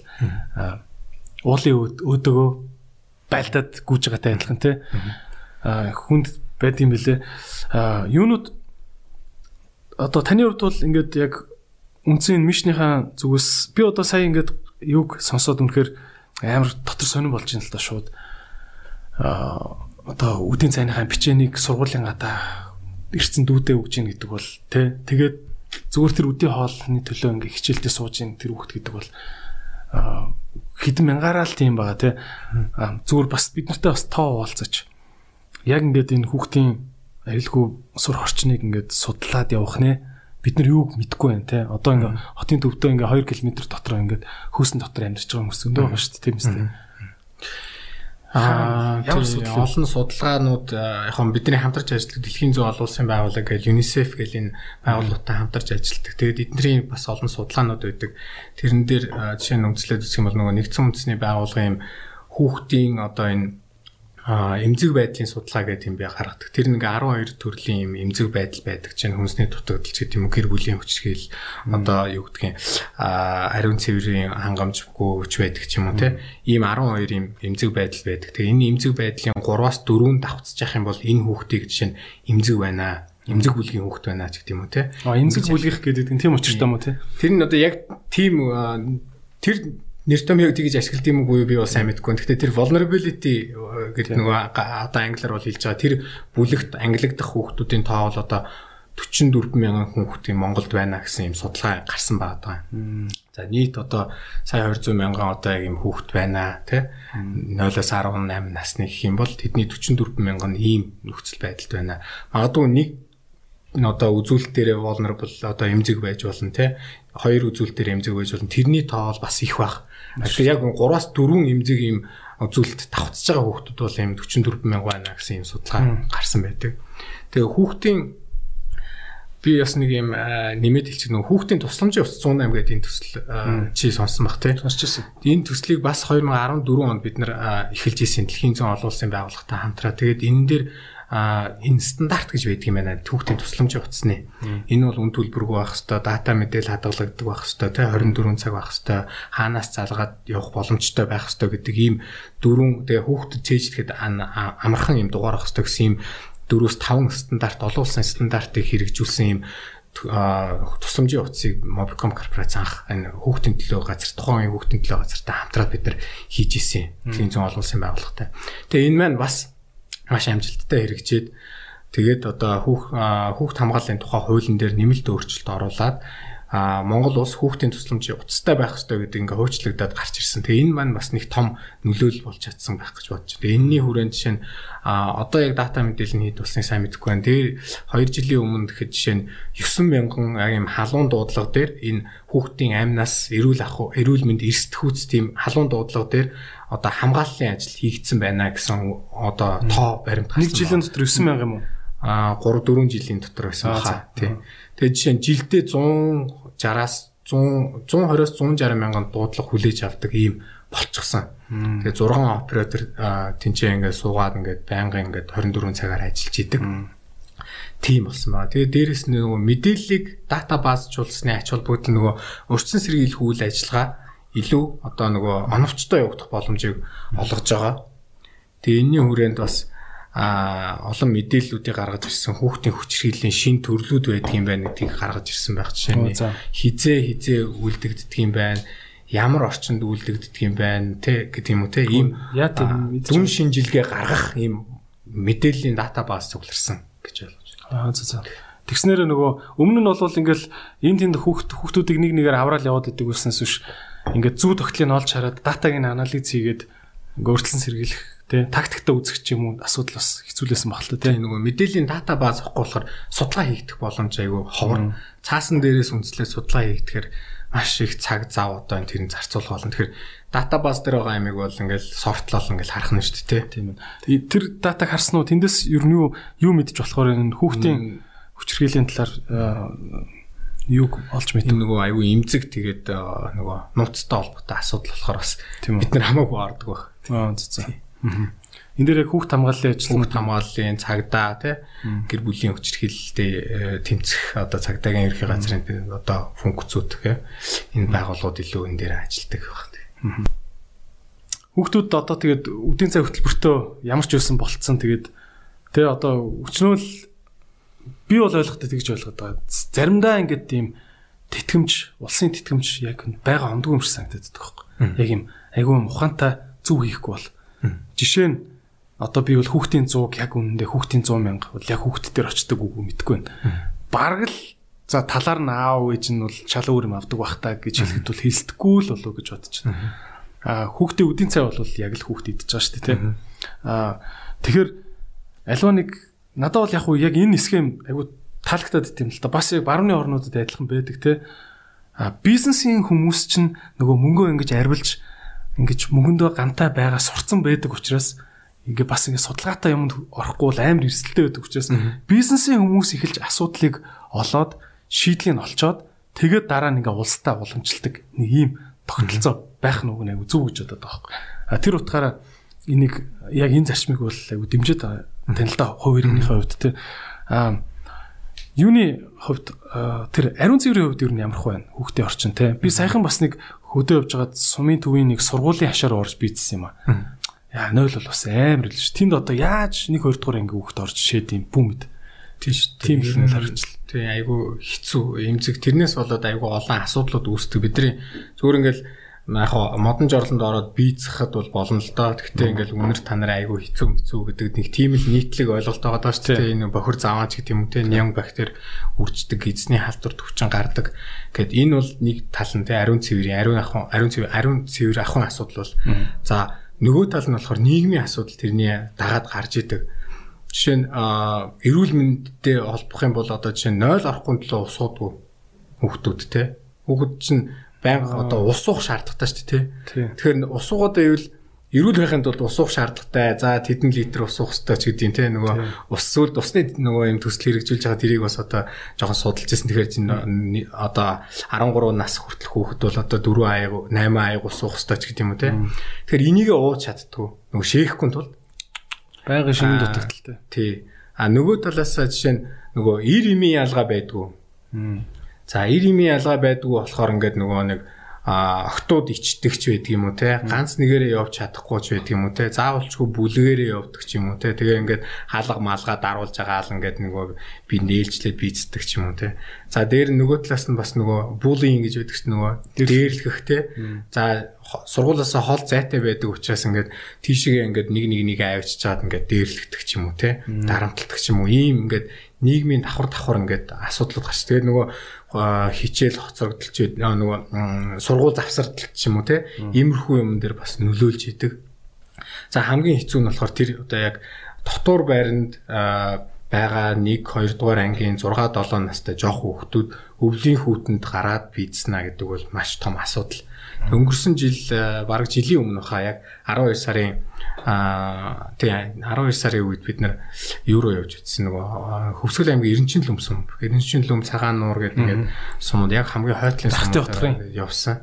Тэгээд үзэхэд үнэхээр тэнд бол амар хүүтэн. Өөрөөсөө шөндөө 40 мөч гараад байгаа юм. Тэгээ нутгийнхан болохоор энэ жил бол арай гайгүй байна гэж яриад байгаа байхгүй. Тэгээ биднэрт бол ингээд бүр амар хүүтэн байдаг байхгүй. Тэгээ тэр нөхцөлд гээд гараад бийцэхэд надад ингээд бүр амар хүндрэлтэй байдаг байхгүй. Тэгэхээр жоохон хүүхдэд ямар байх вэ гэдэг бол бүр маш хэцүү асуудал те. Тэгээд одоо шийсээ барьдагч байдаг юм уу те. Эсвэл ингээд дотор байрандаа бол ингээд нөгөө горшонг төмпөн савнд ингээд бийцсаад ингээд өглөө нь гаргадаг ч гэдэг юм уу те. Иймэрхүү ингээд асуудлууд ингээд байх ёсгүй юм асуудлууд ингээд гараад байна л та.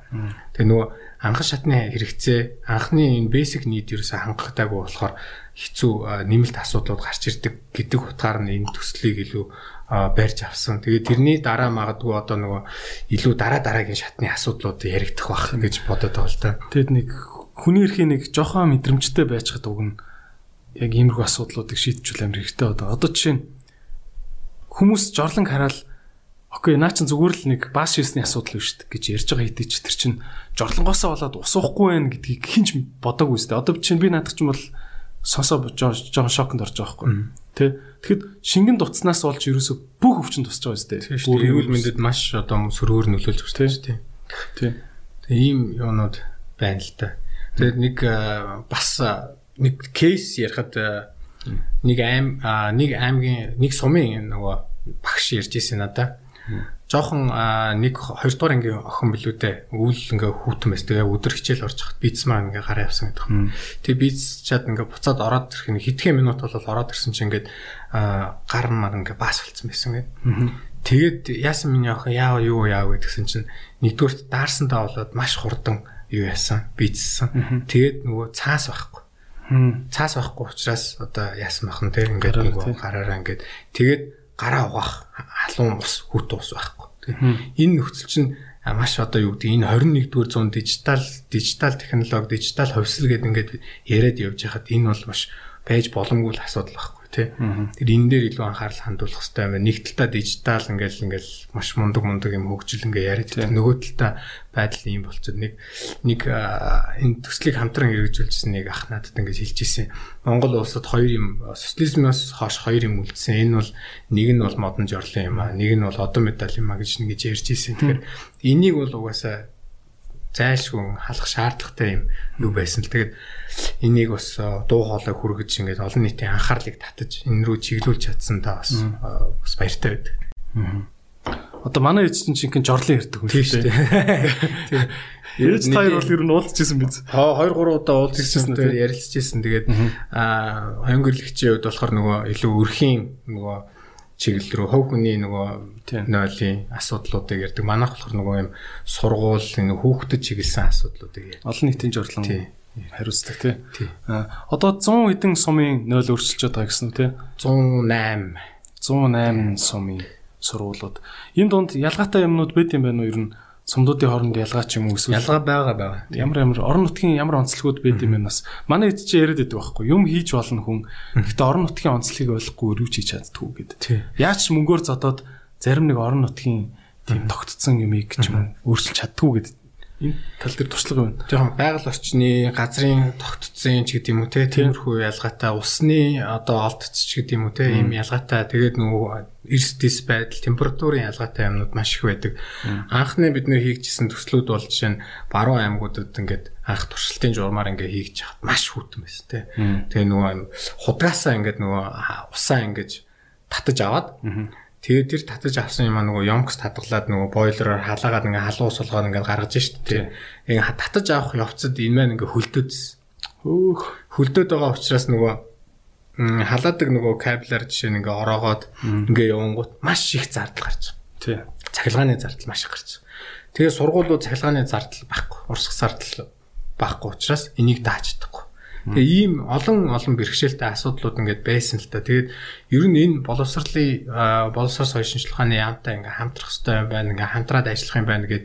Тэгээд нөгөө энэ сумдуудынхаа нөгөө сургуулиудынхаа нурсгал зардлыг нэмж өгдөг ч юм уу те? Энэ дээр боловсрол соёл шинжилгээ ухааны яам ингээ ажиллаад ингээд хамтын ингээд ажлыг ингээд хийгээд ирэхээр синержи үүсээд ирэхээр ингээд төсөл маань ингээ яваа явандаа ингээд илүү боловсронгуй болоод те?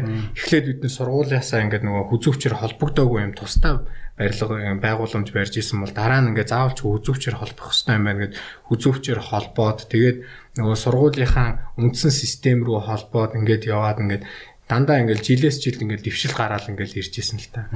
За тэгээд нөгөө хөрсний усны асуудал бас байна те. Хаанаас худгасаа усаа авах айл хаана худаг гарах уу ч гэх юм те. Илүү эдийн засгийн үр ашигтай байна те гэдэг юм. Жишээ нь яг уу жишээ нь хаана худаг гарах уу одоо. А илүү ойролцоол байвал дээр л те. Тэгэл ойрохноос ингээл усаа татчихвэл тэр. Тэр ус нь өөрөөр хэлбэл гад гар угах усыг яриад байна уу? Тий гар угах ус те. Нөгөө нойлын ус. Аха. Аха. А нойл ч болохоор танаа төслүүд бол ихвчлэн дандаа septic noil гэд нөгөө усаар саарл усаар гутаа ёнгсон доор хадгалж хагаад сүүлдэн соруулж авдаг тэр технологи тий. Тэр нөгөө лаг нь ингээд үлдээд тэгээд нөгөө юу нэгээд цэвэршигдээд ингээд нөгөө юугаар ингээд явдаг. Доошогоо ингээд фильтр фильтр нэвчж ордог. Гэхдээ тэр нь нөгөө нэг үг үгээр хүсний бохирдлуугаар ордог. Тийм техник. Нэг олон давхрахтаа фильтр тавьчихсан. Олон тий, тий. Шингэн нь яваад лаг нь үлддэг. Лаг нь үлддэг. А тэр технологи технологи тийм. Оросд айгүйх тийм технологи баг дэлгэрэх шүү лээ тий. Хараадахад. Тий, тэр нөгөө одоо энэ Канад, Америк эднэр чинь бас нөгөө айгүй юм нөгөө зайтай зайтай хол хол юм аслагдмал тосгод мосгод тосгонууд байдаг шүү дээ тий. Тэд нартай ерөнхийдөө голцоо ингээ ашигладаг. Эсвэл хувийн нөгөө нэг эзэмшил газруудын нөгөө нэг нойлуудын асуудлыг ингээ шийддэг тэр технологи юм байл л тий одоо наадах чи яг юм бодогдуулж байна л да. Жишээ нь увсын увсад байгаа дунд сургууль тэр хүүтэнд байгаа дунд сургууль аа юу ч гэдэг замын үдэд байгаа дунд сургууль хоёр адилхан төсөв дээрээс хуваарлцдаг. Яг юм дээр энэ хоёр сургуулийг адилхан нойлтой байлгахад гардаг зардал нь бол тэнгэр газар шиг зөрүүтэй болчих ш тэ.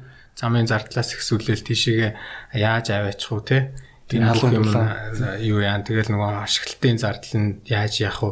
Ус нь хаана байна? Танка хаана байрлуулах юм гээл те нөгөө яг төсөл хэрэгжүүлэхээ өмнө нөгөө төслийн баг урьдчилж яваад тэр одоо судалгаагаа хийгээ за энэ ч нэг юм байгууламжаа барих юм бол боломжтой байна. Эндээс ус авах юм байна. Шигээ танка байрлуулах юм байна. Ингээд ингээд явах юм байна гэх ингээд зураг гаргаад зураг гаргасныхаа дараа нөгөө нэг аа вендор сонгох нөгөө бэлтгэн нийлүүлэгч сонгох ажлуудаа тендер зарлаад явагддаг. Тендер дээр одоо жишээ нь үнэ үнийн саналаа мэдээж тэр хийж байгаа компаниуд ч үнийн саналаа өгнө шүү дээ. Тэгэхээр тэн дээр бол арай өндөр зардалтай гарах юм байна. Энэ дээр бол арай бага зардалтай гарах юм байна гэдэг юмнууд бол яригддаг. Тэгэхдээ ер нь бол рейнж байдаг те. Танахыг би гэхдээ ийм олон суманд 100 муугаас давцсан суманд а жорлон барьсан гэж бол мэдээг юм байна. Яг үнийг хэлэхэд а би зүгээр телевизээр хаанч үлээдээ баян хүлгээд ч үлээ овдож үлээ нэг Mobicom корпорацийн яаснаар ийм 20 жорлон барьлаа энэ төргээд мэдээгээр гарч байгааг би харж ирсэн. Тэгээ би тухайн үедээ бол яг юу гэж бодсон бэ? За тэгэл том компани юм чинь тэгэл нэг суманд нэг нэг хэдэн хүүхдэд нэг 10 сая төгрөгөөр нэг жорлон барьж өгөөл үсттэй. Тэгэл тэрийг мэдээ болгоцсон байна. Би бол яг тэгж бодсон юм. Үнийг хэлэхэд жомгоо гаргацсан байна. Sorry. Тэгэд Гэтэ нэг араас нь иймэрхүү хар мэдээнүүд гардаг штеп Гэхдээ зарим нь үнэн байж магадгүй. Аа тийм тэгэл нэг нийгмийн хариуцлагын үрэн тэгэл нэг жорлон барьхал явсан. Тэгээ тэр нь яг юмдэр одоо ингээл цойчтой амбаарлаа байгаа шүү дээ. Цойчлцсан тэгэл хэрэгэлдэхгүй шүү дээ.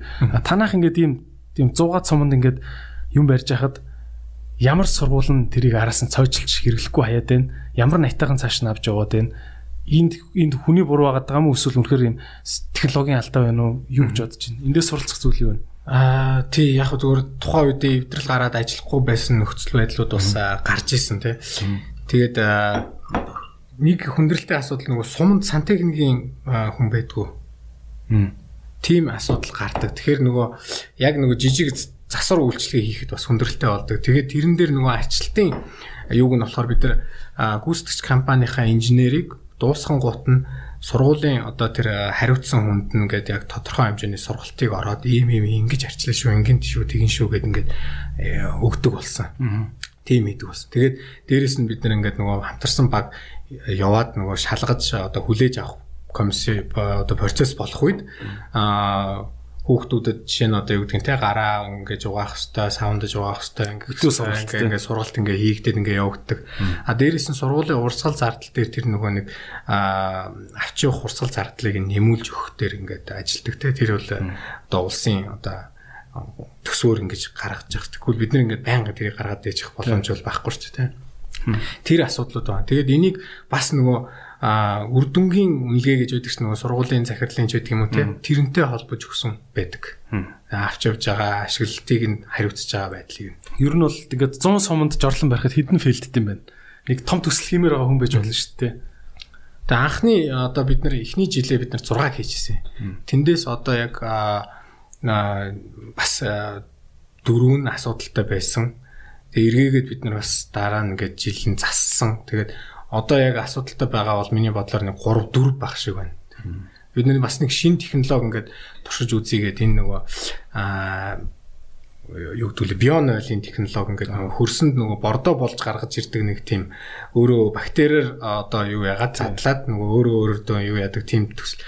Тэрийг энэ паблик одоо олон нийтийн юм дээр ашиглаж болдго юм уу гэдэг юм туршилтыг хийж нэг суман дээр хийсэн боловч тэр маань одоо амжилтгүй болсон. Тэгээд тэрийг одоохон байдлаар буцаагаад өөр нөгөө септик руу шилжүүлэх ажлыг бас хийгдэж байгаа. Био бордоч яг өрхийн хэмжээнд олон нийтийнх жоох эвгүй байж магадгүй. Гэхдээ ер нь бол а яг соёлтой тийм Дайн маань Финланд ч юм уу тиймэрхүү газруудад бол хүмүүс нөгөө амар мэддэг болохоор нэг ингээд бас би баасан дээр юм асгах чинь балиар баста гэж хардггүй. Би энэ баасан баасан дээрээ а яг задардаг бактерийг нь тавих хэвээр ингээд биологийнхаа процессор задарна гэдэг юм. Амир шинжлэх ухаан ч нүдээр харахаар чинь бас ч нас ч тийм мохоо биш юм л шүү дээ. Тий. Зарим нөгөө хөрсний ус байхгүй тийм газруудад энэ бол айгүй зөв технологи л доо. Ер нь бол технологийн хувьд бол шийдэл нь бол зөв байгаа. Тэгэхээр нөгөө яг баталгаатай нотлоготой стандарт гаргацсан юм байхгүй гоод гаргаж байгаа хэцүү байна. Тийм ээ. Тий. За цаашид ер нь энэ одоо аа олон нийтийн энэ mission mission гэж ярьж байна уу vision гэж ярьж байна уу яг энэ vision алсын хараа гэх юм уу да тий одоо байгууллагын алсын харааны нэг хэсэг л энэ танаа одоо жишээ нь танаа энэ алсын хараа тий одоо маркетинг 4.0 гэдэг юм биш үү те. Энэ бол бүр ингээд next level маркетинг гэж ойлгоод байна шүү дээ. Бас те. А энэ зүйл цаашаа яаж ингэж хөгжих бол те. Танаа алсын хараа цаашаа яаж хөгжих бол ингээд байнгын энийг хөгжүүлж явах хэрэгтэй шүү дээ. Энэний төлөө та нар өдөр тутам байнга юу хийдیں те. Тийм мэдээж хэрэг судалгаанууд хийгдэн те. За аа дэлхийн дэлхий дээр ингээ гарч иж байгаа трендүүдийг ингээд аваад үзэн те. Тэгэхээр дараагийн одоо хөгжилтийн шат бол энэ нөгөө хамтын үндэсний бүтээх асуудал юм байна. Хамтраа хамтарч л бид нар энийг хийхгүй бол одоо хэцүү юм байна тий. Адуу 7 жил нойлын асуудлыг ярьж яригдсны дараа бид нар энэ асуудлыг цогцоор нь шийдэх бүрэн болцоо ингээд олонний анхаарлыг татчихын тий. Тэрнээс баг хугацаанд бид нар яаж энийг ингэж олонний анхаарлыг татчих ингэж хамтдаа энэ үнцнийг бүтээх вэ гэдэг рүү илүү чиглэх хэрэгтэй юм байна. Тэгээ тэрний хүрээнд одоо corporate shared value буюу компани хамтын үнцэн гэдэг юм хамтын үнцийг бүтээхийн төслүүд рүү илүү анхаарал хандуулж ажиллаж байгаа л да. Тэрний яг ихний жишээ эхний төслийг бид нэр өнгөрсөн жил ингээ хэрэгжүүлээд а манай 7000 төгрөгийн тусгай картын цэнэглэлтийн тодорхой хувийг нь бид нэр дараагийн энэ хүүхдийн асуудал болох энэ цэвэр усны хангалтгүй байдал гэдэг юм руу илүү оруулъя гэдэг юу яасан. Тэгээ хүүхэд бүр цэвэр ус гэдэг төслийг хэрэгжүүлээд тэр нөгөө нэг цугларсан фондороо а 116 сургуульд бид нэр ус цэвэршүүлэгч төхөөрөмжүүдийг авч байрлуулж өгсөн байгаа. Тэгээ энэ нөгөө эхний ээлжинд бас ажиллагааг нь бодоод нөгөө төвийн шугамд холбогдсон энэ сургуулиуд дээр байршуулсан. Тэгээ ингээд ирэхээр нөгөө хүүхдүүд нөгөө ус ууж эхэлж чинь тийм нөгөө одоо нэгдсэн үндэсний байгууллагын доктортой хөгжлийн зарчмууд гэдэг байдаг шүү дээ. Ер нь энэ бол одоо юу би уншиж байгаагүй шүү олон одоо юу гэдгийг нийгмийн асуудлуудыг ингээд цогцлоод багцлаа те. За энэнийг зорилт болгоод ингээд тавингууд энэ 17 зорилтынх нь одоо тэр зорилт руу илүү ингээд явах юм бол энэ асуудлыг шийдэх юм байна ч гэдэг юм уу те. Тэгш бус байдал гэдэг юм уу. За манай энэ төсөл бол жишээ нь одоо энэ ундны цэвэр усаар хангагдахгүй байх ч гэдэг юм уу те. Энэ одоо зорилт руу илүү ойртсон, илүү хангасан ийм юу болоод төсөл болоод байна л да. Ямар тийм ямар нүүб ямар зорилтууд байдаг гинэ? доктортой хөгжлийн зорилтууд гээд юу юу байх вэ тэрэнд нь? За одоо яг зах цугаас нь тэгээ зах цугаас нь хэлэх юм бол одоо жишээ нөгөө боловсрал эзэмших одоо нэг чанартай боловсрал эзэмших байх. Тэгээ нөгөө хоол хүнсний дутагталд орохгүй байх тий ариун цэврийн одоо шаардлага хангасан үйлчлэгээ авдаг байх тий за ингээд ингээл ингээм 17 ингээд нийгмийн зорилтууд байна тий тэрний тэрний нэгэнд нь энэ усны асуудал байгаа үү те? Тий, усны асуудал байгаа тий. Нэр яг үннийг хэлэхэд бодож байгаа юм байна. Одоо ингээд бодох нэ. Би чи 11 дэх сургуульд байсан. Манай сургууль юм байсан байхгүй 500 хүүхэд байсан тох үед. Тэгээд доор 0-ын 0.2 үүдэг. Бин тамирын заал заалнаас зааланд тоглоод амар халууцаад 0 ороод яг хойно ингээ хүүхд бааж байгаа шүү дээ ер нь бол. Тэ би яг урд нь карантинаас ус уудаг гэсэн юм. Тийм. Тэгэл э, ер нь бол карантин баг болсон тэгдэг л шүү дээ. Би чи 23 дугаар сургуульд төгссөн. Тэгэл яг заалны хажууд 0-той 0 руугаа ороо карантинаас нь ус уудаг тийм л байсан шүү. Тэгээ тэр карантин бүр яг тэгэл жорлон үнэрсэн л тийм. Тийм тийм. Тасгуур тий. Тий. Дараагийн асуудал нь ягаад юм гэсэн бэхэр нөгөө За бид нар энэ төслийг хэрэгжүүлэх энэ одоо энэ үүсэт байгаа фондороо юу хийх юм бэ гэж судалгаа хийгээд үзсэн л дээ. Тэгээ хүүхдэд зориулж чиглэлсэн. За ингээл магадгүй e-learning ч гэдэг юм уу textbook мөг гэл энэ асуудлууд ингээд гарч ирж ирсэн те. Тэгээд ингээд яриад боловсрол соёлын шинжилгээ ухааны яамнаас ерөнхийдөө энэ саналыг бидэрт хэлсэн. Хүүхдийн цэвэр усны асуудал айгүй хэцүү байна те. Цэвэр ус хангалттай ууж чадахгүй байна гэдэг. Тэгээд энэ нь ер нь зөв юм байна гэдэг энийг ингээд хэрэгжүүлэхээр болоод явсан байгаа л да. Тэгэхээр одоо ингээд тавьсан байгааг харах юм бол одоо хүүхдүүд ингээд нөгөө усны саваа авчираад усаа ингээд дүүгээ цэвэршүүлэгчнээс аваад ингээд дуртай үедээ ингээд уухал. Битүүрийн үеийнхэн бол тэгээд зөлөөнд гараад карантины ус ямар азар тэгээд завханцар маханцар тусаад өгчээг юм те. Тэ. Тэгээ одоо хичнээн сургууль дээр тийм цэвэр устай болгосон маа. 116 сургууль дээр тавьсан. Хэр үр дүнтэй байна? Хүүхдүүд яг үнэхээр тэндээс ууж гэнэ эсвэл тэгэл тэрийгэ тойрол карантинаас уугаад байна уу? Гүү тэндээсээ л одоо яг ууж. Тэрэнд коридор тавьчих уу? Коридор тавьчих. Өө зөө зөө. Аль болох их л байх хэрэгтэй л доо. Нэг стандарт бас гэж байгаад байгаа байхгүй нэг. Гэтэ яг стандартыг хангана гэх юм бол бас их маш их хөрөнгө орно. Тэгэхээр баг багаар бид нэг ингэж эхлүүлээл ингэж явж байна.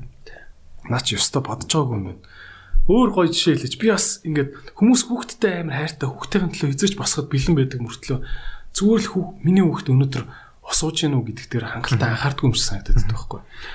Тэ хүүхд хүүхд нь тэр надад нэг ийм юм яг үндэ би аим шүмжлэмэр санагдтiin. Зүгээр гэлэн танаа компани амаг шүү. Одоо жишээ нь манай хүүхэд бэлэн хоол идээд байна. Наад CU-гийн дэлгүүрийг хаа. Энийг цагтаа 20 гэд ингэж юм. Яагаад чиний хүүхэд бэлэн хоол идээд байгаа ингэ үлдэр чи өсөөл гүйж чи идээд байгаа юм сте. Чи өөрөө хүүхэдтэй эрүүл хоол хийж өгж явуулахгүй байгаа болохоор хүүхэд чинь очоод мэдээж тэр чинь мөнгөндөө дарсан хамгийн амтгай хоол нь пиршги бэлэн хоол хоёрлоо байсан тий. Тэгээд ингээд уурлаад байгаа юм.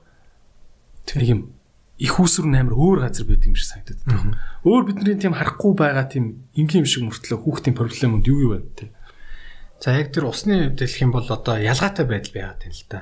За за төлбөртэй сургуулиуд, хувийн сургуулиуд бол жишээ нь өөрсдөө ингээд ус цэвэршүүлэгч ингээд авчаад тавьсан байна те. Хүүхдүүд бол энэ сав авчаад уучиж За энэ хотын төвийн сургуулиуд бол эцэг эхчүүд нь хамтарч агаад ингээд фильтр аваад ингээд тавьсан байна те ус цэвэршүүлэгч аваад тавьсан байна. Тэрийг ингээд фильтрээ өөрсдийнхөө мөнгөөр ингээд солиод байна. А яг ингээд нөгөө жоохон нөхцөл байдал жоохон буураад ирэхээрээ л нөгөө тэр нь хангалт хангамж нь ингээд байхгүй болчиход нөгөө анхаарал хандуулах тал нь сулраад байна уу гэж харагддаг юм л да. Тэгээ нөгөө талаас мэддэг нөгөө юу гэдгийг те эцэг эхийн мэдлэг бас дутуугаас болсон олон асуудлууд харагдаад байна л яг чиний түрүүний хэлсэн чинь миний одоо мэдж байгаа энэ салбар дээр харж байгаагаар болохоор энэ social bullying гэдэг асуудал те нийгмийн сүлжээнд дэх энэ гадуурхагдал ч гэдэг юм уу те нийгмийн сүлжээний дарамт гэдэг юм асуудал бас маш их хүүхдүүдийн тунд байна. Би би нэгэ ингэж одоо зургийг чинь шеэрлээ шүү Тий, тэрнээс ихсүүлээл те ингээл янз бүрийн негатив сөрөг комментууд бичээл ингээл яадаг ч юм уу те ингээл би би нэгээ дарамталдаг ийм асуудлууд байна. Тэгээ дээрэс нь зүү зохистой хэрэглээг бас хүүхдүүдэд зааж өгөхгүй байх шиг байна те. Утасны зүү зохистой хэрэглээ юун дээр анхаарах хэвтэй. За энэ дээр бол жишээ нь одоо parental control буюу эцгийн хяналтыг бол яаж хийгдэх хэвтэй те.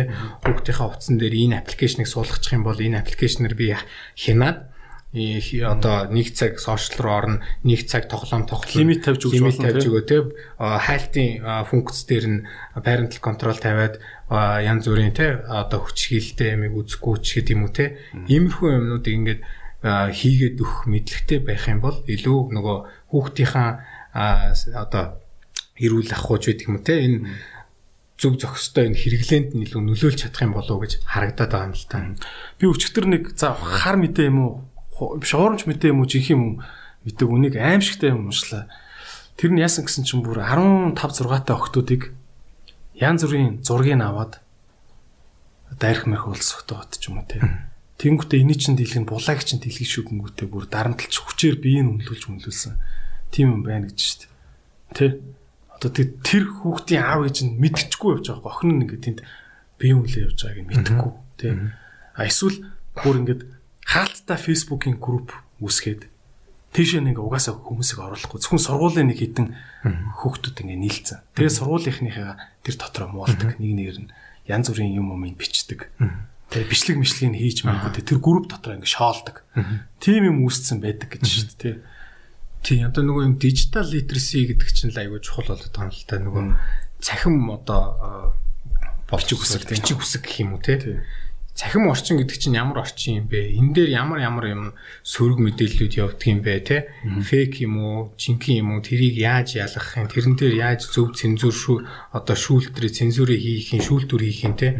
Энийг одоо ер нь 10 жилийн сургуулиуд мургуулууд ч юм уу ингээд бүр системтэйгээр оруулж юм санагдаж байгаа. Яг тэр эн чинь бид нэр тэсэрнгүү дижитал яриа руу эрен рүү орчиж шít те. Энэ одоо 90-ад оноос хойш төрсэн хүүхдүүд чинь ингээд нейтивүүд нь болоод те ингээд жинхэнэ энэ юунд өссөн хүүхдүүд байгаа даа. Эднэр бол одоо ингээд зах цухаас нь ялгаад те ингээд энэ биш энэ мөн энэ зөв энэ биш энэ ингээд юм юу байна гэдэг ингээд ялгаад. Аав нар бүр ямар ч тэр аав ээж нар ямар ч ойлголтгүй болохоор ингээд зөнд нь ачиж чинь те. Цахим ертөнцөө те. Тэгээ бид нар чинь болохоор нөгөө нэг тэр цахим ертөнц рүү ингээд нутагшиж орж байгаа иммигрантууд цагаачиж орж байгаа хүмүүс болоод байна шүү дээ. Тэгэхээр энэ цагаачиж орж байгаа хүмүүс чинь тодорхой хэмжээний боловсрал хэрэгтэй юм байна. Тэ энэ дижитал орчны боловсрал хэрэгтэй юм. Тэгжиж зөв шүүлтүүрээр ингэж юу яах юм байна. Тэг нөгөө нийгмийг урайлан дуудсан янз бүрийн юмд одоо илүү итгэхгүй те тэрийг өөрийн одоо үзэл бодлоор ингэж шүүд шүн тунгааж мэдээллийн үн зөв байдлыг ингэж харах юу чинь энтэй ер нь холбоотой юм байна л гэж яриад. Тэгэхээр сошиал орчин бол мэдээж хэрэг энэ бол үүсэж байгаа том одоо орчин мэдээж хэрэг мөн а гэхдээ энэ дээр өөрийнхөө identity-г яаж зөв авч явах юм бэ? Өөрийнхөө тэр одоо аккаунт одоо гэх юм уу те одоо нүх юм Тэгээ энд нэг хүн байна. Бодит орчин дээр би гэдэг хүн байна. Сошиал орчин дээр бас нэг би гэдэг хүн байна. Энэ сошиал орчин дах хүнийг яаж зөв авч явах хэрэгтэй юм бэ? Аюулгүй байдлаа яаж хангах хэрэгтэй юм бэ гэдгийг л илүү сайн сурах хэрэгтэй юм болов уу гэж байна. Танах бас тэр талаар дижитал литерси талаар юмнууд хиймэрл юм байна те. Хийж байгаа. Ер нь одоо хийж эхэлж байгаа энэ нөгөө хувийн мэдээлэлтэй холбоотой те энэ асуудлуудыг яаж илүү анхаарах хэрэгтэй одоо scam гэл одоо энэ хуурамч fake аккаунтууд руу аккаунтуудыг яаж таних юм ч гэдэг юм уу те өөрийнхөө пин код, тан код эдрийг одоо яаж хамгаалах хэвтэй гэдгээс ихсүүлээд нэг юм аа бол одоо энэ жижигхэн типүүд ингээ хийгдээд ингээд мэдээллийн суугуудаар ингээд гаргаад бас явж байгаа. Өөрийнхөө сошиал суугуудаар бас ингээ гаргаа явж байгаа. Хүүхдээ ээж аав нар ер нь бол хүүхдийг зөвхөн бас ингээл сургууль дотроо гэхээс илүү цахим ертөнцид бас хамгаалж сурах нь бол ялч хоёр өөр хүн байгаад шүү дээ шүү дээ. Бодит орчин дээр нэг хүн байна. Цахим орчин дээр дахиад нэг хүн байна л гэж одоо ойлгох Тийм. Нөө Will Smith-ийн хэлсэн нэг үг гэдэг шүү дээ. Аа Will Smith-ийн үед одоо одоо үеийн хүүхдүүдийг буруутгах юус болохгүй те. Захим ертөнцид ингээл мангар мангар зургийн явал хэлсэн юмнууд нь юу ч үтэй нэг жоох охин утга барьснаа гана минийх шүү энэ гэл тэгсэн. Тэгтээ яг тэр чин тэр хүүхд бид нар яг шоолж байгаа боловч цаана өөрөө ингээ аим сэтгэл нэмзэг байгаа ч юм бэлээ мэдгүй шүү дээ. Өөрөө илэрхийлэх нэг арга ба шүү дээ. Тийм яг зүгээр найзуудтайгаа мангартаал зураг авсан гэсэн чинь тэр нь интернет орцсон те. Тэгэд ямар азар Will Smith хэлж байгаа хгүй. Бид нар ч гэсэн тэнэгддэг байсан тий. А гэхдээ азар тэр үед юм интернет гар утас гэдэг юм байг болохоор тэр нь тэр хүн тэндээ ингээд мартагдаад баримтгүй өнгөрцөн. Одооны хүмүүсийн нэг эвгүй юм хүн болгоны дайрж өнгөрдөг угаасаа тэнэгддэг насаар дайрна. А тэр нь ингээд зураг авагдаад баримтчигдаад Google руу ороод ингээд дараа нь жоох эвгүй тий. Тий. Уул нөгөө юу гэдэг чтэй дижитал footprint гэж ярьдаг тийм дижитал уулмөр тий. Юу юм хуйлтаа болцсон бэлээ. Надад бас энэ их зүгээр санагдсан. Герман билүү Франц билүү дижитал Европын холбоо хаа дижитал footprint хуйлтаа болцсон. Өөрөөр хэлбэл ямарваа нэгэн IT-ийн том компани хүний мэдээллийг тэдэн жил тутамд ингээ бүр бүрмэс арилгаж явах хэрэгтэй, устгах хэрэгтэй. Тэгээ өөрөө хүсэх юм бол тэ аа нэг тийм тиймэрхүү юм бүр хүчээр ядаг хөлтөл болцсон юм шиг үлээ. Тэ. Өөр энэ талаар юу гэж боддог? Тэг энэ бол зөв л гэж боддог юм бол. Аа яа тэгэхээр тэг мэдлэг боловсрал үгээсээ болоод ч юм уу тэг энэ талаар мэдээ мэдээлэл үгээсээ болоод ингээд бас алдаа гаргацсан тохиолдол зөндөө байгаа шүү дээ. Тэг тэр нь ингээд ингээд амьдралынхын турш нөгөө нэг мөр нь болоод үлдчихэж дижитал ертөнцийн дээр ингээ мөр болоод үлдчихэж шүү дээ. Хичнээн нөгөө аа мартагдах хэрэг гээд байгаа. Тий. Муу муу нэг муу юм хийчихэр тэр нь ингээд маш ингээд түгээгдэж хэрлэгдээд ингээд яваад идэг. Насаар нарилгүй юм хийсэн ч гэсэн тэр нь ингээд нөгөөх нь ингээд давамгаалаад ингээд ингээд идэг. Тэгэхээр муу нэрийг хосовч арилахгүй, сайн нэрийг өсөж олдохгүй гэдэг шиг тийм. Энэ бол маш зөвлөл юм байна. Тийм. Нөгөө Европын холбоо тийм болт болсон гэсэн.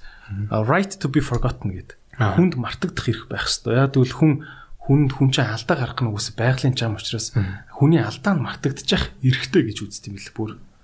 Тэ ингээл нийгэм чинь нас хүн болгонд ингээл 10 15 настай гадаа гаргасан алдагийн 50 хүртэл нь хонцогнол яваад ивэл энэ нийгэм чи яаж ирүүл байх вэ тэ. Тэ. Тэгээ нөгөө хүний талаар нөгөө төсөөл үүсчээд байна л гэдэг чинь л нөгөө тийм байхгүй нөгөө харилцаж ярьж исэн хүнтэй одоо ямарваа нэгэн байдлаар харилцаанд орж исэн бол тэрний одоо харилцааны үр дагаврын үүднээс ингээд нөгөө реакшнууд тэр хүнтэй харилцааны реакшн үүсээ. Тэгээд тэрэн дээрээсээ улбаалаад ингээд нөгөө тэр хүний төлөө талаарх юм төсөөлөл ингээд үүсчихэд байгаа. Тэр төсөөллөөрөө л хүн ингээд тэр ингээд хараад идэг. Хичнээн сайн юм хийжсэн ч гэсэн нөгөө нэг юм төсөөлөл нь байгаад идэг. Тэгэхээр ерөнхийдөө нөгөө тэр чинь нөгөө хүний хүн төрлөختний л одоо яг чанар болчиход байна шүү дээ. Human nature яваад шүү дээ. Тэгэхээр аль болох одоо хүмүүс бол одоо хүнийг нөгөө фактн дээр үндэслэж одоо тий ажиглалтын дээр үндэслэж тий тухайн момент дах юун дээр үндэслэж ингэж харилцах харилцаж сурах юм бол илүү энэ маань одоо нэг талаас нь хүн хүн хоорондын харилцаан дээр эрүүл болох гэдэг эрүүл болох гэдэг юм шиг санагд. А тийм л хүн юм шиг байлээ. Нэг дээр нэг тэгцэн байсан Тий. Тэгээд яста бүтэхгүй нөхөр юм шиг тийм. Хүнийг дандаа өөр нэг дүр үүсгэж хүн төсөөлдөг тий. Тий, хүнд угаасаа л нэг хүнийг төсөөлөх тийм төсөөл дандаа Тий. үүсэн шүү дээ, тий. Тий. Мэдээж Нэг тийм л юм шиг байлаа гэл. Тэм л бол тэгтэй. За тэг өнөөдөр Mobicom корпорацийн сурчлага олон нийтийн харилцаа албаны захирал Чин зөрг гэдэг мундаг залуу захирал оролцож байна. Тэгээд а, Идрээс подкаст хэрэгтэй юм буу хална. Өнөөдөр аль болох нийгэмд хэрэгтэй юм ярий гэд бит хоёр зорьсон. Тэ. А мөн танаа бас компани доторх ноу хав нас би суралцмаар байна. А ер нь бол хүн болгон мэднэ ялангуяа бизнес ертөнцийн бүгд мэддэг. А хаал газрын лаг захирлууд орж ирнэ дандаа X Mobicom байдаг те. Нэг Mobicom тийм газрын дарга хийж байгаад ийш очиод захирлуулдаг те. Нэг тийм тэнд өөрөө ямар машинаар явж гин те. Одоо 14 оноос хойш ингээд ингээд нохулж штэ те. Mobicom-ийн culture дотор өөрөө чинь хамгийн ихэн хурцлж исэн өөрч өөрч өөрчилсөн тийм соёлын элементүүд ч юм уу те. Юу юу байна. Соёлын хувьд бол маш гоё компани гэж би боддог. Яг тэр энэ том компаниуд ч нэг хэлдэг штэ. Том компаниг соёл нь авч явдаг, жижиг компаниг захирал нь авч явдаг гэж ярьдаг те. Тэр мэдээж хэрэг энэ 1500 гаруй хүнтэй ингээд 25 жил одоо бид нар энэ жил 25 дахь жилийнхаа ойг ингээд тэмдэглэж чинь те 25 жил болсон компани дээр ингээд калчер ингээд тогтцсон. Тэгэхээр энэ калчерыг ингээд байнга одоо ингээд м, арчилж те тордож зөв тийш нь ингэж болгож явах нь бол мэдээж хэрэг энэ удирдлагын төвшний хүмүүсийн бол хийх ёстой ажил байдаг тийм. А тэгээд энэ калчрынхаа хүрээнд ч гэсэн бид нар ингээд дараа дараагийнхаа ингээд нөгөө хүмүүсийг ажилд авах ч байдаг юм уу те. Ийм юм дээр ингээд нэг ингээд а, замаар шугамаар ингээд яваад дээ те. За тэгээд 25 жил гэж ярьсных анх одоо нөгөө өөрийн холбооны үүслийг Mobicom корпорац тавьсан те. Тэрнтэй холбоотойгоор одоо энэ яг энэ өөрийн холбоо интернетийн одоо а үйлчлэгээний салбар дээр бол одоо Mobicom корпорац бол одоо их сургууль гэх юм уу те. Одоо ингээд төгсөөд ингээд гараад ингээд цаашаа Мөсөн. өсөө. Ингээд өсөө дившээ дивжээд ингээд явдаг. Тэр калчрыг ингээд уламжлаад авч явдаг. Доороос шинэ хүмүүс нь орж ирээд ингээд хөсөөд хөгжөө явдаг те. Тийм одоо калчертай байгаад байгаа. Тэгээд ер нь бид нэр бүр багаас нь бас бэлдэх хэрэгтэй юм байна тий. А их сургуулийн төвшөнд бид нэр энэ Mobicom гэдэг ямиг одоо калчрыг одоо бас суулгахын өмнө энэ дадлагжигч системийг одоо бий болгох тий.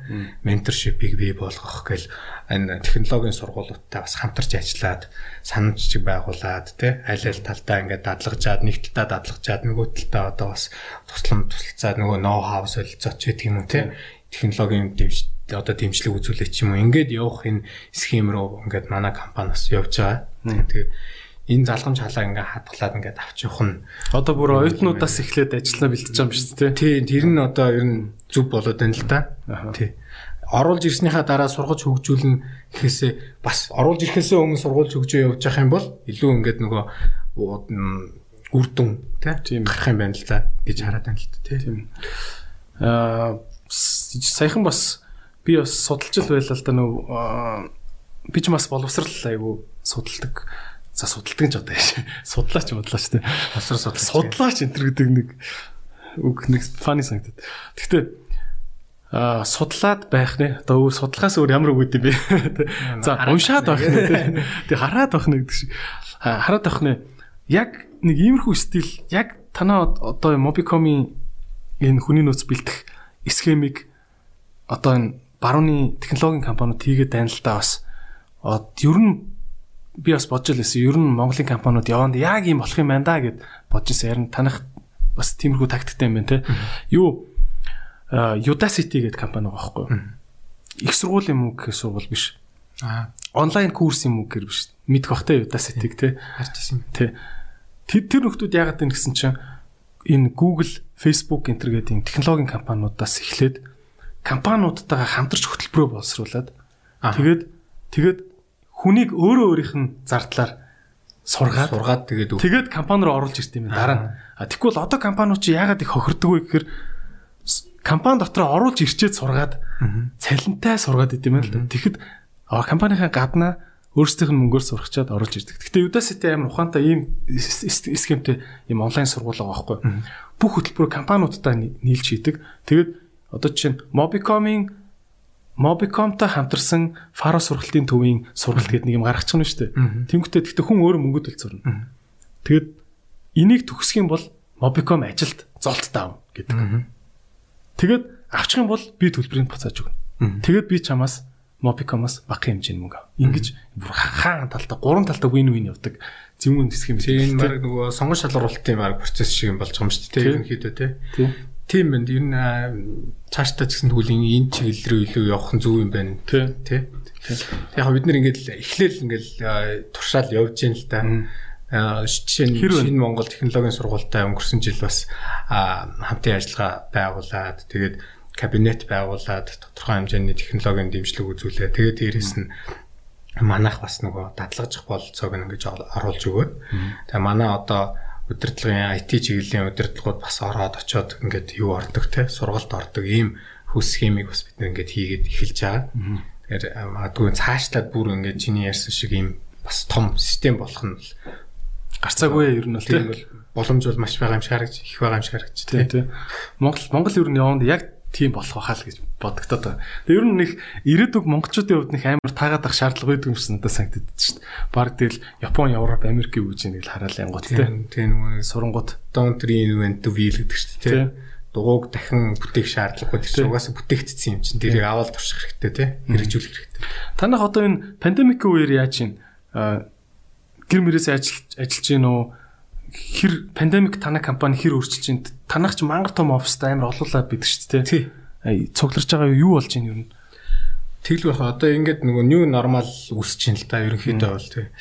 А яг одоогийн байдлаар бол бид нэр 30-аас доош хувь нь л одоо офис дээр ажиллаж байгаа. Бос тов нь одоо ремотоор ажиллаж байгаа. Тэгээ ремотоор ажиллахад нөгөө дүрм журам одоо боловсруулахаас ихсүүлээд юмнууд ингээд анхаарах асуудлууд их байдаг л та. Нөгөө яаж үр дүнтэй ажиллах юм ч гэх юм уу те тэр юмнуудыг илүү анхаарах. Тэгээ хурлыг яаж зохион байгуулахын, технологиг яаж ашиглах, ямар софтвер ашиглах хэвээр, юу ашиглах хэвээр. Тэгээ манай хувьд болохоор нөгөө Office 365 ашигладаг болохоор илүү амар байгаа юм л да. Тэр нь бол approval process одоо зөвшөөрөл авах процесс тэрүүгээр ингээ явчихна тий. Хурал нь бананда митингээрээ явчихна За тэгээд бусад юмнууд нь нөгөө файл ширлэх мэрлэх юмнууд нь бүгдээрээ ингээ OneDrive дээр ингээд cloud Microsoft-ийн бүх систем тийм бүх систем ингээ суулгацсан болохоор тэгээд тэрүүгээр ингээ явчихаар хамаагүй амар л байгаа юм л та биднэрт бол. Зүгээр өөр газрууд бол магадгүй нөгөө флашаар юм хуулаач юм уу би би нэрүүгээ мэйлэр ингээ шидэлцээд ингээ ингээ явхад жоохон хүндрэл үүсэх байх Тэгвэл ер нь бол пандемикийн үеиг бол бас энэ new normal гэдэг юмыг тогтоогод ингээд одоо бараг сурж ийн дөө тийм ер нь болж гин үү те офисын 70% нь танах шиг том компани хувьд 70% нь ажилчид гэрээсээ ажиллана гэдэг бол бас маш их ажил хийдэлт те. Ингээд зүгээр галс уулзаал ярьчдаг байсан юм. Заавал ингээд хуралдаа видео оролтоо орж ирээрэй гэл ингээд ядаргаа болол ер нь ажлын бүтээмж хэдэн өв ингэж бууж агаад буцаж норм гайгүй болж молд юм байна нэг юм. Юу ажиллагдсан уу? Тийш доош юу жаргалцсан За Гэхдээ ер нь энэ удирдлагын хувьд менежментийн төвшний хүмүүст илүү шин сурах юм аягүй их гарч ирж байна л да. Яг энэ үед одоо жишээ нь ямар таскуудыг яаж өгөх ёстой юм те? Таскуудаа яаж яаж хуваарлаж ингэж өгөх ёстой юм? Нөгөө нааша цаашаа их нөгөө маневрууд сайн хийгдэх ёстой юм байл л да. Тэрийг л одоо яг удирдлагуудын нөгөө хариуцлагын төвшөнд аягүй сайн хийж чадах юм бол энэ бол боломж юм тийм. Ер нь бол одоо тэгэл энэ баруурны орнууд чинь бол ихэнх нь л ремотоор ажиллал суужал болоод шүү дээ. Тийм жишээ нь манай нэг найз одоо Америкт ажилладаг тэр офис нь юунд байхад Сан Францискод байхад өөрөө Миннеаполист ингээл гэрээсээ ажиллал болоо л энэ нэг сардаа нэг удаа ч юм уу офис дээр очичвал ингээд ингээд яагаад тэгэхээр энэ бол болохгүй юм бол биш байхгүй. Тэгэхээр бид нар энэ дээр суралцаад ингээд хийж чадах юм бол эргээгээл нөгөө нийгмийн асуудлууд чинь бас давхар хөндөд байгаа байхгүй. Манай дээр чинь хэрэгжүүлсэн юм болохоор нөгөө нэг уян хатан цагийн тогтолцоог бид нар хэрэгжүүлсэн 7-оос 8-аас 9-өөс 10-аас сонголтыг өгөөд те 4-өөс 5-аас 6-аас 7-оос тарах сонголтуудыг ингээд өгөөд хийгээд өгчөж байгаа. Тэгэхээр нийгмийн асуудлууд гэдэг маань нөгөө хүүхдээ сургуульд нь хүргэж өгөөд авах цаг завыг гаргах те. За тэгээд энэ юу бүглэрлийн асуудал, замын бүглэрлийн асуудал байна те. Энэ дээр бас ингээл тодорхой хэмжээгээр нөлөөлөх нь байна те. За тэгэл одоо энэ cashless payment гэл одоо энэ бүгд л одоо энэ аппликейшн руу дижитал технологи руу ингээд төлбөрийн шийдлүүд ингээд орж штэ те энэ үед жишээ нь ингээд төлбөрийн шийдлүүдийг ингээд амар хэлбараар ингээд хийх те нөгөө онлайн бизнесийг хөгжүүлэх ч байдаг юм уу те энэ юмнууд чинь ингээд давхар ингээд нөлөөлөгдөөд ингээд хөгжигдөл яваад бэлэн мөнгө одоо барих бэлэн мөнгө барих чи одоо ер нь бол тэгэл вирусны вирусны бузар болчиход шүү дээ тий. Даанч танах бүр гів гинтхэн Monpay, Monpay гэж гараад ирсэн юм. Тий.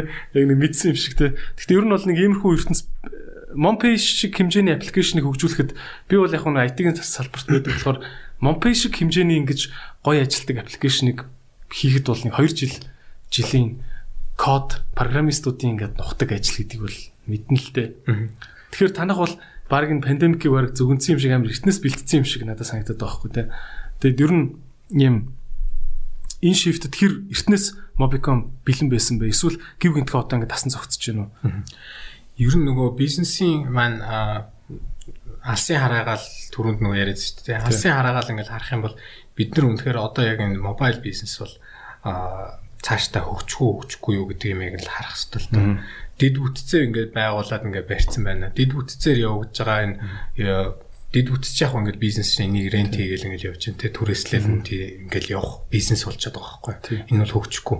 А тэгэхээр тэрүүгээр ингээд нөгөө дамжин өнгөрөх энэ бизнесүүд рүү илүү анхаарал хандуулж өсөлтөө тийш нь хандуулах хэрэгтэй юм байна гэдэг үүднээс 14 оноос эхэлсэн энэ одоо юу байгаа? Candy гэдэг санаж байгаа бол одоо анхны ингээд loyalty system болж гарч ирсэн. 14 оноос хойш ингээд баг багаар ингээд хөгжөөл хөгжөөл хөгжөөл аппликейшнээ гаргаж ирээл те. Тэгэл энэ аппликейшн доторх одоо үйлчлэгээ те боломжуудыг нэмээл те төлбөрийн тооцоо төлбөр тооцоо худалдан авалт те миний одоо юу гэх миний маркетуудыг ингээд оруулж ирээл те. Зөвхөн бид нар өөрийнхөө ямиг зараад авах ш тэн дээрээс бас бусдын ямиг зардаг платформ болох те. Ийм юм руу ингээд хөгжөөл явж байна. Тэгэхээр тэнгууд энд барууны хөгжиж байгаа орнуудад энэ ингээд яваад ингээд хөгжөөд ингээд явах чинь энэ хизээ нэгэн цагт ингээд Монголд хөгжиж таарагдаж таарна шүү дээ тий. Тэгэхээр тэр алсын хараан дээр энэ ингээд явж байгаа л гэж харах юм уу та тий. Тэгээ одоо яг ингээд өхөл хорой энэ дэлхийд дахнаас цар тахал болоод яг бүрийн дижитал шилжилт гэдэг юм айгу хурдсаж байна л та тий. Тэгээ одоо мэдээж цар тахал бол аимшигтай юу одоо харамсмар зүйлтэй. Гэхдээ надад зүгээр ингээд бас сайн талыг олж харах гээд сайн талд гэж ярих нь бас буруулах л та жоохон гэрэлтэй талын ингээд олж харах гэдэг үзэх юм бол дэлхий дээр өрний дижитал шилжилт одоо яг энэ Silicon Valley-гийн те энэ захирын өндгийн мэрэгчлэнүүд яриад байна л та. Дэлхий 15 жил явж иж хүрх байсан юмд хүн төрлөختөн сая зүгээр зүгээр одоо ингээд жил гарны дотор л хүрчлээ. Одоо ер нь 2хан жилийн цар тахалтай 2 жил бол хүн төрлөختөнд баг 15 жил хэмжиж байгаа гэж яриад тах юм. Тий. Тий. Магадгүй тэр бол үнэн бах тий. Технологи хөгжигээр одоо баг 2 жилийн дараахыг таамаглахад хэцүү болоод байна шүү дээ. Зах зээл ямар байхыг ч одоо бас бидний яг таамаг гаргаад дунд урт дунд хугацаанд төлөвлөгөө урт хугацаанд төлөвлөгөө ингээл гаргаал ингээл явж байгаа ч гэсэн энэ бол одоо яг бодиттой юм барих юм биш болчиход байгаа байхгүй тий. 2 жилийн дараа 3 жилийн дараа зах зээл яаж өөрчлөгдөх ямар технологиор яаж өөрчлөгдөхийг бол бас хэлэхэд ишт болчиход байгаа байхгүй тий. Тий. Тэгээ ер нь бизнесийнхэн бас үзэж байгаа бах тий. Дижитал шилжилт гэдэг юмыг хурдан хийгээрээ бурхан минь тий. Дижитал шилжилтийг л хийхгүй. Дижитал шилжилт гэхээр бас нэг юм сүртэй юм бас бас бодож болохгүй. Ер нь бол миний ойлгосноор автоматжуулж системжүүлж болох тий. Компьютержүүл одоо компьютержуулж гэх юм уу тий. Болох бүх юмыг дижиталжуулж авах хэрэгтэй юм байна тий. Гар ажиллагаа л их шаарддаг зүйлийг л ямар нэгэн байдлаар а софтвер ч юм уу те програм технологи ашиглаад л энийг хийгээд хүний одоо энэ хийгээд байгаа бүтээмжийг л нэмэгдүүлэх л юм л байгаад байгаа юм л те. Байнгын ойлгоод байгаа шүү дээ. Тэнд чи олон технологи байна те. Роботик процесс ч гэдэг юм уу те.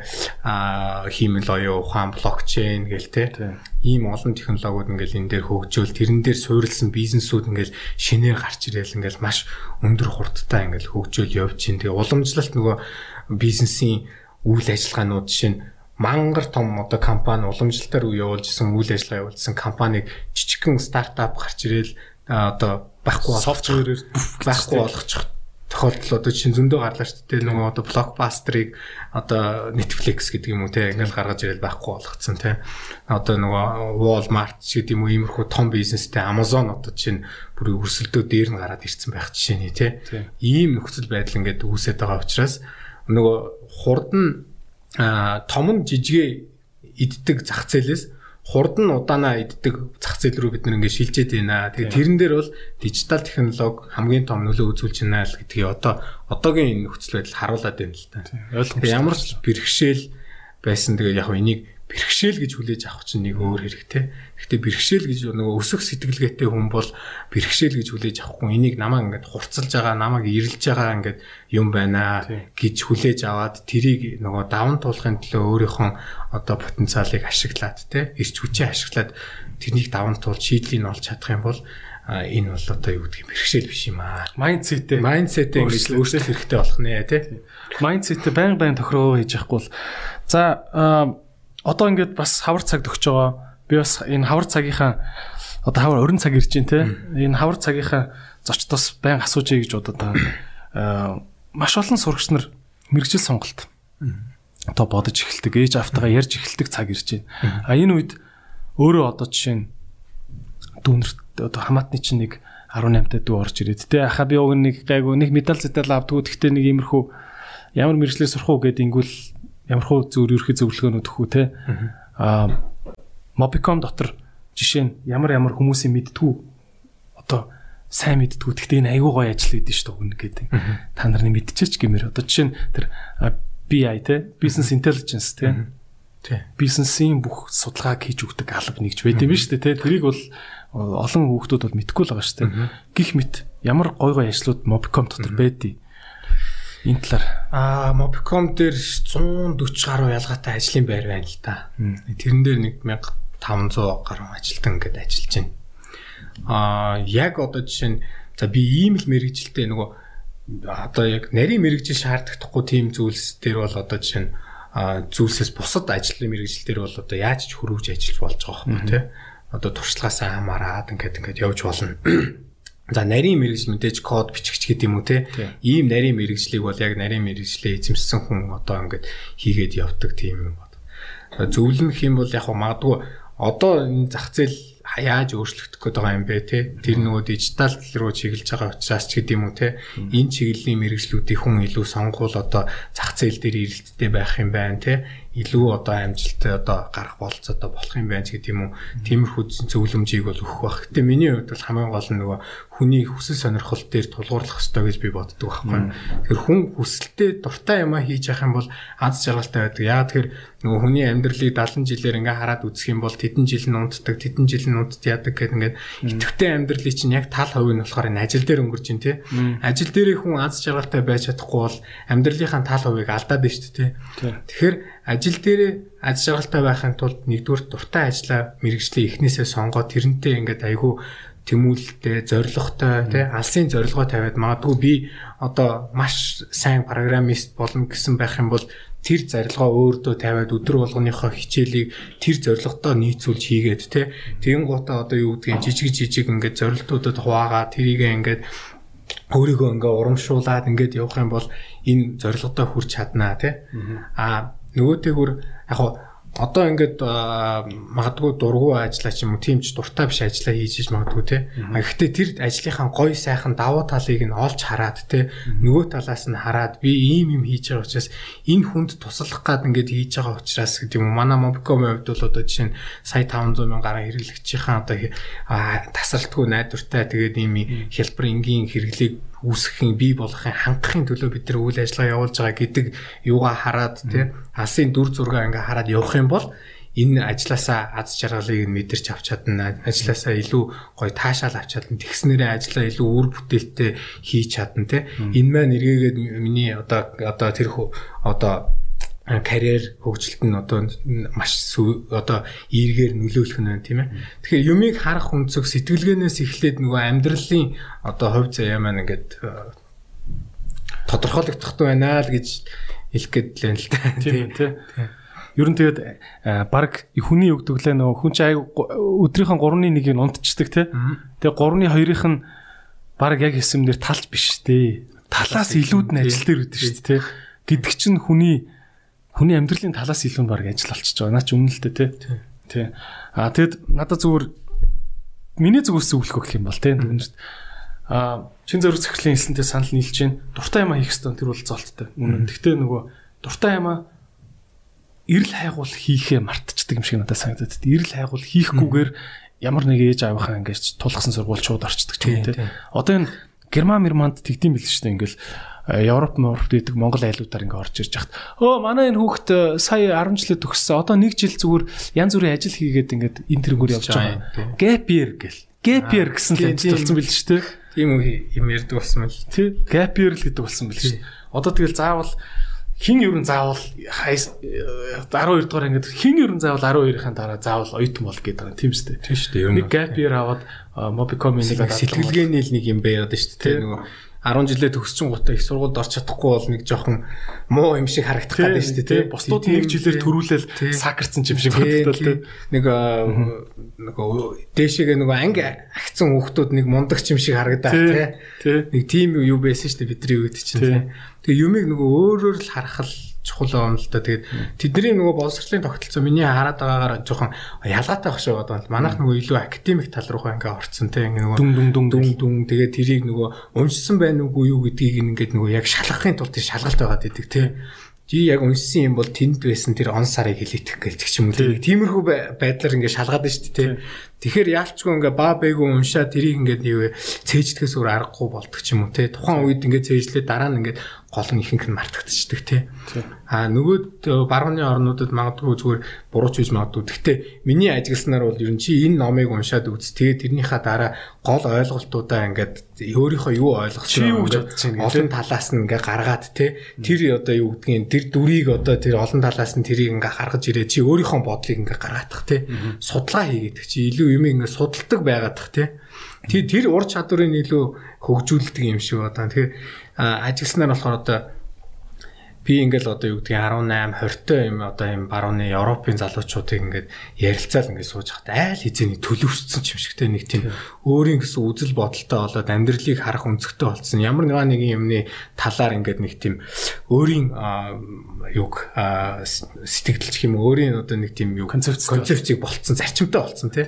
А манай залуучууд болохоор нэг арай тийм болж амжаагүй нэг тийм харагдаад идэгэлтэй ямар нэгэн амжилт гарах гэдэл яарад байгаа юм шиг тий. За тэгээд чин зөрөх захиралд маш их баярлалаа. Цагаа гаргаж бид бүхэнтэй ярилцж байгаад баярлалаа. Аа ер нь бол хоёлоо өнөөдөр би уг амар их бизнесийн юм ярих гэж бодож байсан. Тэгээд яг нөгөө мэдгүй ягаад чи миний сэтгэл зүйч тийм байгаа юм ойр үед амар тийм нийгмийн сэдв баяг илүү чухал санагтаад байгаа байхгүй бас тий. Тэгээд бас аа энэ талаар сайхан буу алсанд баярлалаа. Баярлалаа. Тэгээд нийгмийн одоо төлөө хийж байгаа энэ алсын хараанд нь амжилт хүсье. Тэгээд улам олон жорлон бариараа. Наа жорлон ч амар чухал шүү. Наад жорлонгийн асуудлаа бити бас зөксөөгөрөө тий. Тэгээд өнөөдөр ингээд технологийн том корпорацийн маркетингийн тий ингээд юм албаны дарга хүн тэгээд оо би жорлонтой харьцахгүй цэвэрхэн энтергээд ингээд цэмцгэнэхгүй байгаад нь надад бол айгүй гой таалагч тий ялангуяа эрэгтэй хүн жорлонгийн асуудалд орохоор баг хямар мямар унлаа гэл буу юм болж тий Тэгэхгүй байгаа нь надад бол маш их таалагдж байна. Аа тэгээд танд микрофоны сүүлийн минутыг үлдээе. Та манай үзэгчд хандж үг хэлнэ үү? За за тэгээд залуучууд илүү сонсдог байх гэж би бодож байна тийм ээ. Аа тийм учраас бас хүн сэтгэлгээгээ өөрчлөх те юмыг олон талаас нь олж харах энэ зүйлд илүү суралцаад те өөрөө өөрийгөө нөгөө өсөх сэтгхүүтэй хүн байгаасаа тэрний төлөө одоо одоо яваасаа гэж би бас хүсэж байна. Тэгэхээр сэтгэлгээгээ өөрчилж юмыг өөр талаас нь харж чадсанаар өөрийнхөө амьдралын одоо хувь тавиланг өөрчилж чадах шүү. Энэ бол эргээгээд одоо юу гэдгийг те амьдралд чинь эргээр нөлөөлнө шүү. Тэгээ тэгээд тэрэнд одоо зориулсан одоо тэр чиглэлээр өөрийгөө хөгжүүлээрэ хүн бол нөгөө одоо энэ үр бүтээлтэй хүний 7 habit гэдэг зарчим одоо дадал гэдэг нэм чинь айгу алдартай ном байдаг ч тийм тэр номыг бас авч үзээрэй уншаарай. Тэгээд өөрийгөө хөгжүүлээрэй. Тэгээд дараа нь одоо орчин тойрондоо эргэн тойрондоо эерэг нөлөөллийг үзүүлсэн тийм хүн болоорой гэсэн одоо одоо юу хөрөлийг тэр яг юм уу дүүнэртэй яа тий. Тэгээ ялангуяа тий одоо мэрэгчлээ сонгох ч байгаа дүүнэртэй бас амжилт хүсье тий. Одоо хавар хаврын цаг ирж гин бүгдээр мэрэгчлээ сонсож байгаа сонгох гээд хичээж байгаа бах тий. Тэгэд бас Mobicom-ийн бас оюутнуудын бэлтгэдэг хөтөлбөрүүдийг бас сонирхоод үзээрэй гэж хэлье. Тэгээ маш олон хэдэн төрлийн ажил үүдэг лээ. 140 140 төрлийн ажил Mobicom зөвхөн нэг компани дотор ийм олон төрлийн ажил үүд юм шүү. Байн шүү. Бити зөвхөн өөрийгөө нэг юм би нягтлан болно. Эсвэл тийм болно гэдэг нэг юм. Тавхан юм дотор бити бодооч л гэж хэлдэг тийм. Дээрээс нэг юм нэмээд хэлчихэд нөгөө а хүний ур чадварыг жишээ нь манай компани дээр гурван байдлаар одоо жишээ нь үздэг байхгүй юу? А хувь хүний суур ур чадвар байна. Тэгээд дээрээс нь харилцааны ур чадвар, удирдлагын ур чадвар гэсэн ийм ур чадруудыг жишээ нь суулгахыг хичээдэг энэ калчер маань тий. Тэгээд энэний төлөө одоо ингээ олон сургалтууд ингээ тасралтгүй ингээ хороод ингээ явж идэг. Тэгэхээр хувь хүний ур чадварыг бол хүн а энэ бол basic хамгийн энгийн шатны ур чадвартай ингээд зөв алдаагүй бичдэгч байдаг юм уу те.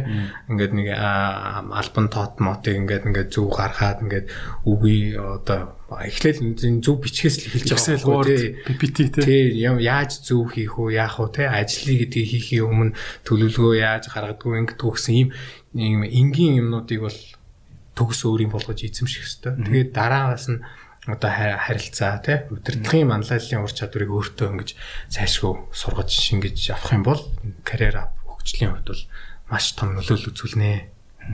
За баярлалаа. За баярлалаа.